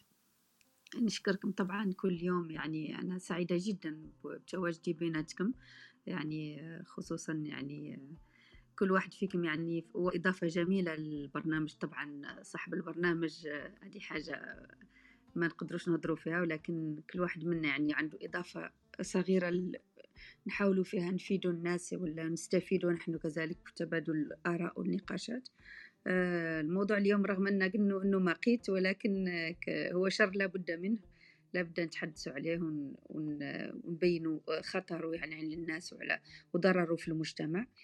آه، ربي يبعد علينا النفاق والمنافقين ويجمعنا دائما على الخلق الحسن والأخلاق الحسنة إن شاء الله يا رب. وخالد يعني كل يوم تبان لنا خصلة جميلة فيك أنك شاعر كذلك يعني ما شاء الله ما شاء ربي يزيدكم فضله. شكرا لكم. إلى الغد إن شاء الله. هذا الموضوع جميل هو الحياة إن شاء الله. بإذن الله. إن شاء الله. إن شاء الله. ربي يجازيك الخير. بارك الله فيكم وفيكما. ونفوتوا لخونا كما قلتوا أنتم مسك الختام واؤيد ذلك. أنا أنا كل كلمة كما قلت لكم كل لقاء يخرج لي آه، حميد بخرجة. اليوم الخرجة تاعو اللي راني نحط عليها 70 مليون خط. الأخلاق هرم يسهل النظر إليه ويصعب الصعود عليه. تفضل أخونا حميد في كلمة ختامية لهذه الصباحية. خفت يردنا البداية على يا ودي. أنا قلت له ختامية وأكد. وما هدرش بزاف اليوم له الحق زعما يقدر يدير هضر أه، ما عرفتش لا برك نوهتوا على الفائده على تاع النفاق في العمل. أه، برك نعطيها دقيقة. ممكن تفضل. ما تكلمتش لك كل الوقت. ممكن تكون فائده خذ كل الوقت تفضل. إذا كنت إذا كنت شاف أه، ولا عندك شركه ولا ولا تخدم ماشي كيف كيف. ستدير إذا كنت أنت مثلا manager وعندك équipe فلازم تعرف باللي رايحين ينافقوك. مش راح يقولوا لك الحق. selon انت كيفاش ال style تاع ال management تاعك. donc إلا كان style تاع ال management تاعك أنك ما تخرجش النفاق تاعهم راحت عليك علاش؟ راح تخسر في productivité parce que مش راح يقولوا لك شي يخموا فيك ومش راح يقولوا شي يخموا في الأفكار اللي تجيبهم ولا في ال programme اللي دايرو واصلا ما يقولوش بيناتهم ثاني. donc شيء صرا يبداو تبدأ l'équipe تخدم بنفس الأفكار. وهذه contre-productive فال management style دائما لازم يروح على أساس أنه يخرب في هذاك في هذيك la technique باش يقدر يخرج يخرج من النفاق هذاك خاطرش contre-productive دروك كاين دائما تلقى ناس ما عندهمش هذيك الشخصية أنه يقدر يقول في meeting واش واش واش يخمم في هذيك الفكرة ولا malgré que عنده ممكن فكرة أحسن. ففي الطرق هنا يقول لك باللي آه، في ال management ما تقدرش آه، تحارب النفاق هو موجود موجود ما تقدرش تحاربه ولكن تقدر تجيريه. donc هي quand même management تاع النفاق l'une des méthodes les plus efficaces تاع ال management تاع النفاق هي مثلا كي تكون كي تكون هكذا في ال في ال في meeting ولا تكون تاخذ راي واحد وتعرف باللي مش راح يقول لك رايه تقول له معليش مش مشكلة حتى لو كان الراي تاعو مطابق الراي تاعك قول له معليش كتبها لي ولا بعثها لي بار ايميل وهو ثما يخمم باسكو علاش؟ إلا هو يقلع فماك الميكانيزم يقول لك إلا بعثتها له بار ايميل ولا بار بار حاجة إكريت معناتها راح نشهد روحي على منا وهكا زعما هو صح كان راي الوغ كو موش راح ينحط مع روحه. وهكا تقدر تاخذ رأيه تاع الصح سي جوست بور لا برودكتيفيتي ما كان لا حاجة مليحة لا ماشي ماشي مليح. donc غير هذه الفايدة برك إلا ما هدرتوش عليها ممكن تفيد شي ناس في الخدمة تاعهم. أما النفاق كلغة كاصطلاح كان normal متداول ما بين الصحابة نظن راكم قلتوها. كانوا يقولوها normal عادي يقولوا بلي أبو بكر نافق. عادي زعما مش مش حاجة اللي كبيرة بزاف. أما النفاق هذاك النفاق بالألف واللام هذاك اللي معروف حنا عندنا في الدين وكاع هذاك bien sûr إنسان simple هكا يكون عنده شوية أخلاق تجرده من هذيك وين راح يوصل للناس كيما الصحابة ولا. mais النفاق ك ك ك كاصطلاح كان normal متداول في العربية عادي موش زعما حاجة كبيرة. بصح كيف يتعاملوا معاه واش من الحد اللي يروحوا له هذاك هو. وأنا ضد أنه نخربوا في الكلمة لاخاطش علاش؟ المصطلح مهم بزاف. مثلا نعطيكم غير un petit exemple ونفوت وخلاص مثلا la conscience اللي هضرنا عليه هذاك النهار. من النهار اللي جزئوها رجعوها conscience professionnelle رجعت مشكلة. لاخاطش علاش هذاك ال militaire ولا ال policier ولا قادر normal هو يخدم خدمته مليح يقتل مليح ومن بعد يرجع لدارو يتهلا في ولادو parce que عنده deux consciences المشكلة إذا ولينا نعطوا أسماوات جدد مثلا آه، المداراة مثلا التورية مثلا المراءة مثلا ولينا نعطوا أسماوات جدد شيء يصرى نجزئوا هذيك ال entité قيمه ومن بعدك اش تولي تصرى تولي نتعاملوا مع حاجة واحدة أخرى ظانين اننا نتعاملوا معها donc la référence تضيع. donc ما نخدموش رواحنا في هذاك ال sens. c'est mieux نقاردوها كيما راهي باش كي نتعاملوا معها نتعاملوا معها كيما راهي. ونشوفوا الحد الأدنى والحد الأقصى اللي منه يولي الإنسان هذاك اللي يتوصف بهذيك الصفة المذمومة ولا اللي ماشي مليحة. غير هذه برك. donc نخلوا الاسماوات كيما راهم أحسن. السلام عليكم. بارك الله فيك ويعطيك الصحة وشكرا على الملخص هذا اللي درتو لنا في النهاية والإضافة اللي ضفتها لنا. آه، نشكر خوتنا اللي كانوا معنا في هذه الصباحية خونا محمد سعيدة عقبة عبد القادر آه، مصعب آه، خوتنا أمال خونا بن عبد الله أهلا وسهلا بكم. محمد وياسين التحق بنا إن شاء الله يكثروا له السؤالات تاع الكرطوس خونا أحمد خوتنا لينا محسن. معنا سليم كان معنا كمال حريزي وختنا خديجة والتحقوا بنا اثنين جديدين العربي وواحد آه، جزائري كاتب الاسم تاعو. أهلا وسهلا بكم كامل في هذا الصباحية نعود نذكركم باللي اللقاءات تاعنا صباحية كل يوم وندندن حول محور من المحاور وعندنا كبسولات ثابتة فيها الثقافية مع أختنا وهبة وفيها العلمية مع أخونا خالد وفيها الفكرية والأدبية مع الأستاذ محمد شريف. دونك أهلا وسهلا بكم في كل صباح. آه، عساي إلا أن أشكركم. ونلتقي إن شاء الله غدوة في المحور تاع الدندنه تاعنا اللي راح يكون إن شاء الله على الأخوة. donc أنا حاطين محور الحياة الحياة غدوة ماشي الأخوة الحياة ومن بعد نحكيو على البيئة والشيخوخة في هذا المحاور الثلاثه الأيام القادمة إن شاء الله. أهلا وسهلا بكم معنا. آه، أترككم في رعاية الله وحفظه ونلتقي غدا في محور آخر وفي room آخر إذا كان في العمر بقيه والسلام عليكم. شكرا لاستماعكم لبرنامجنا. كنتم مع Espresso Talk مع طارق. تابعونا live يوميا من الاثنين حتى الجمعة.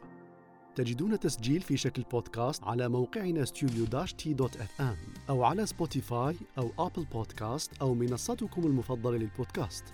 لا تنسى أن تشاركه مع من يمكن أن يهمه موضوع الحلقة. ليصلك تنبيه عند بدء غرفنا الرجاء الانضمام إلى ال club ستوديو dash t dot fm عبر الضغط على البيت الأخضر في الأعلى.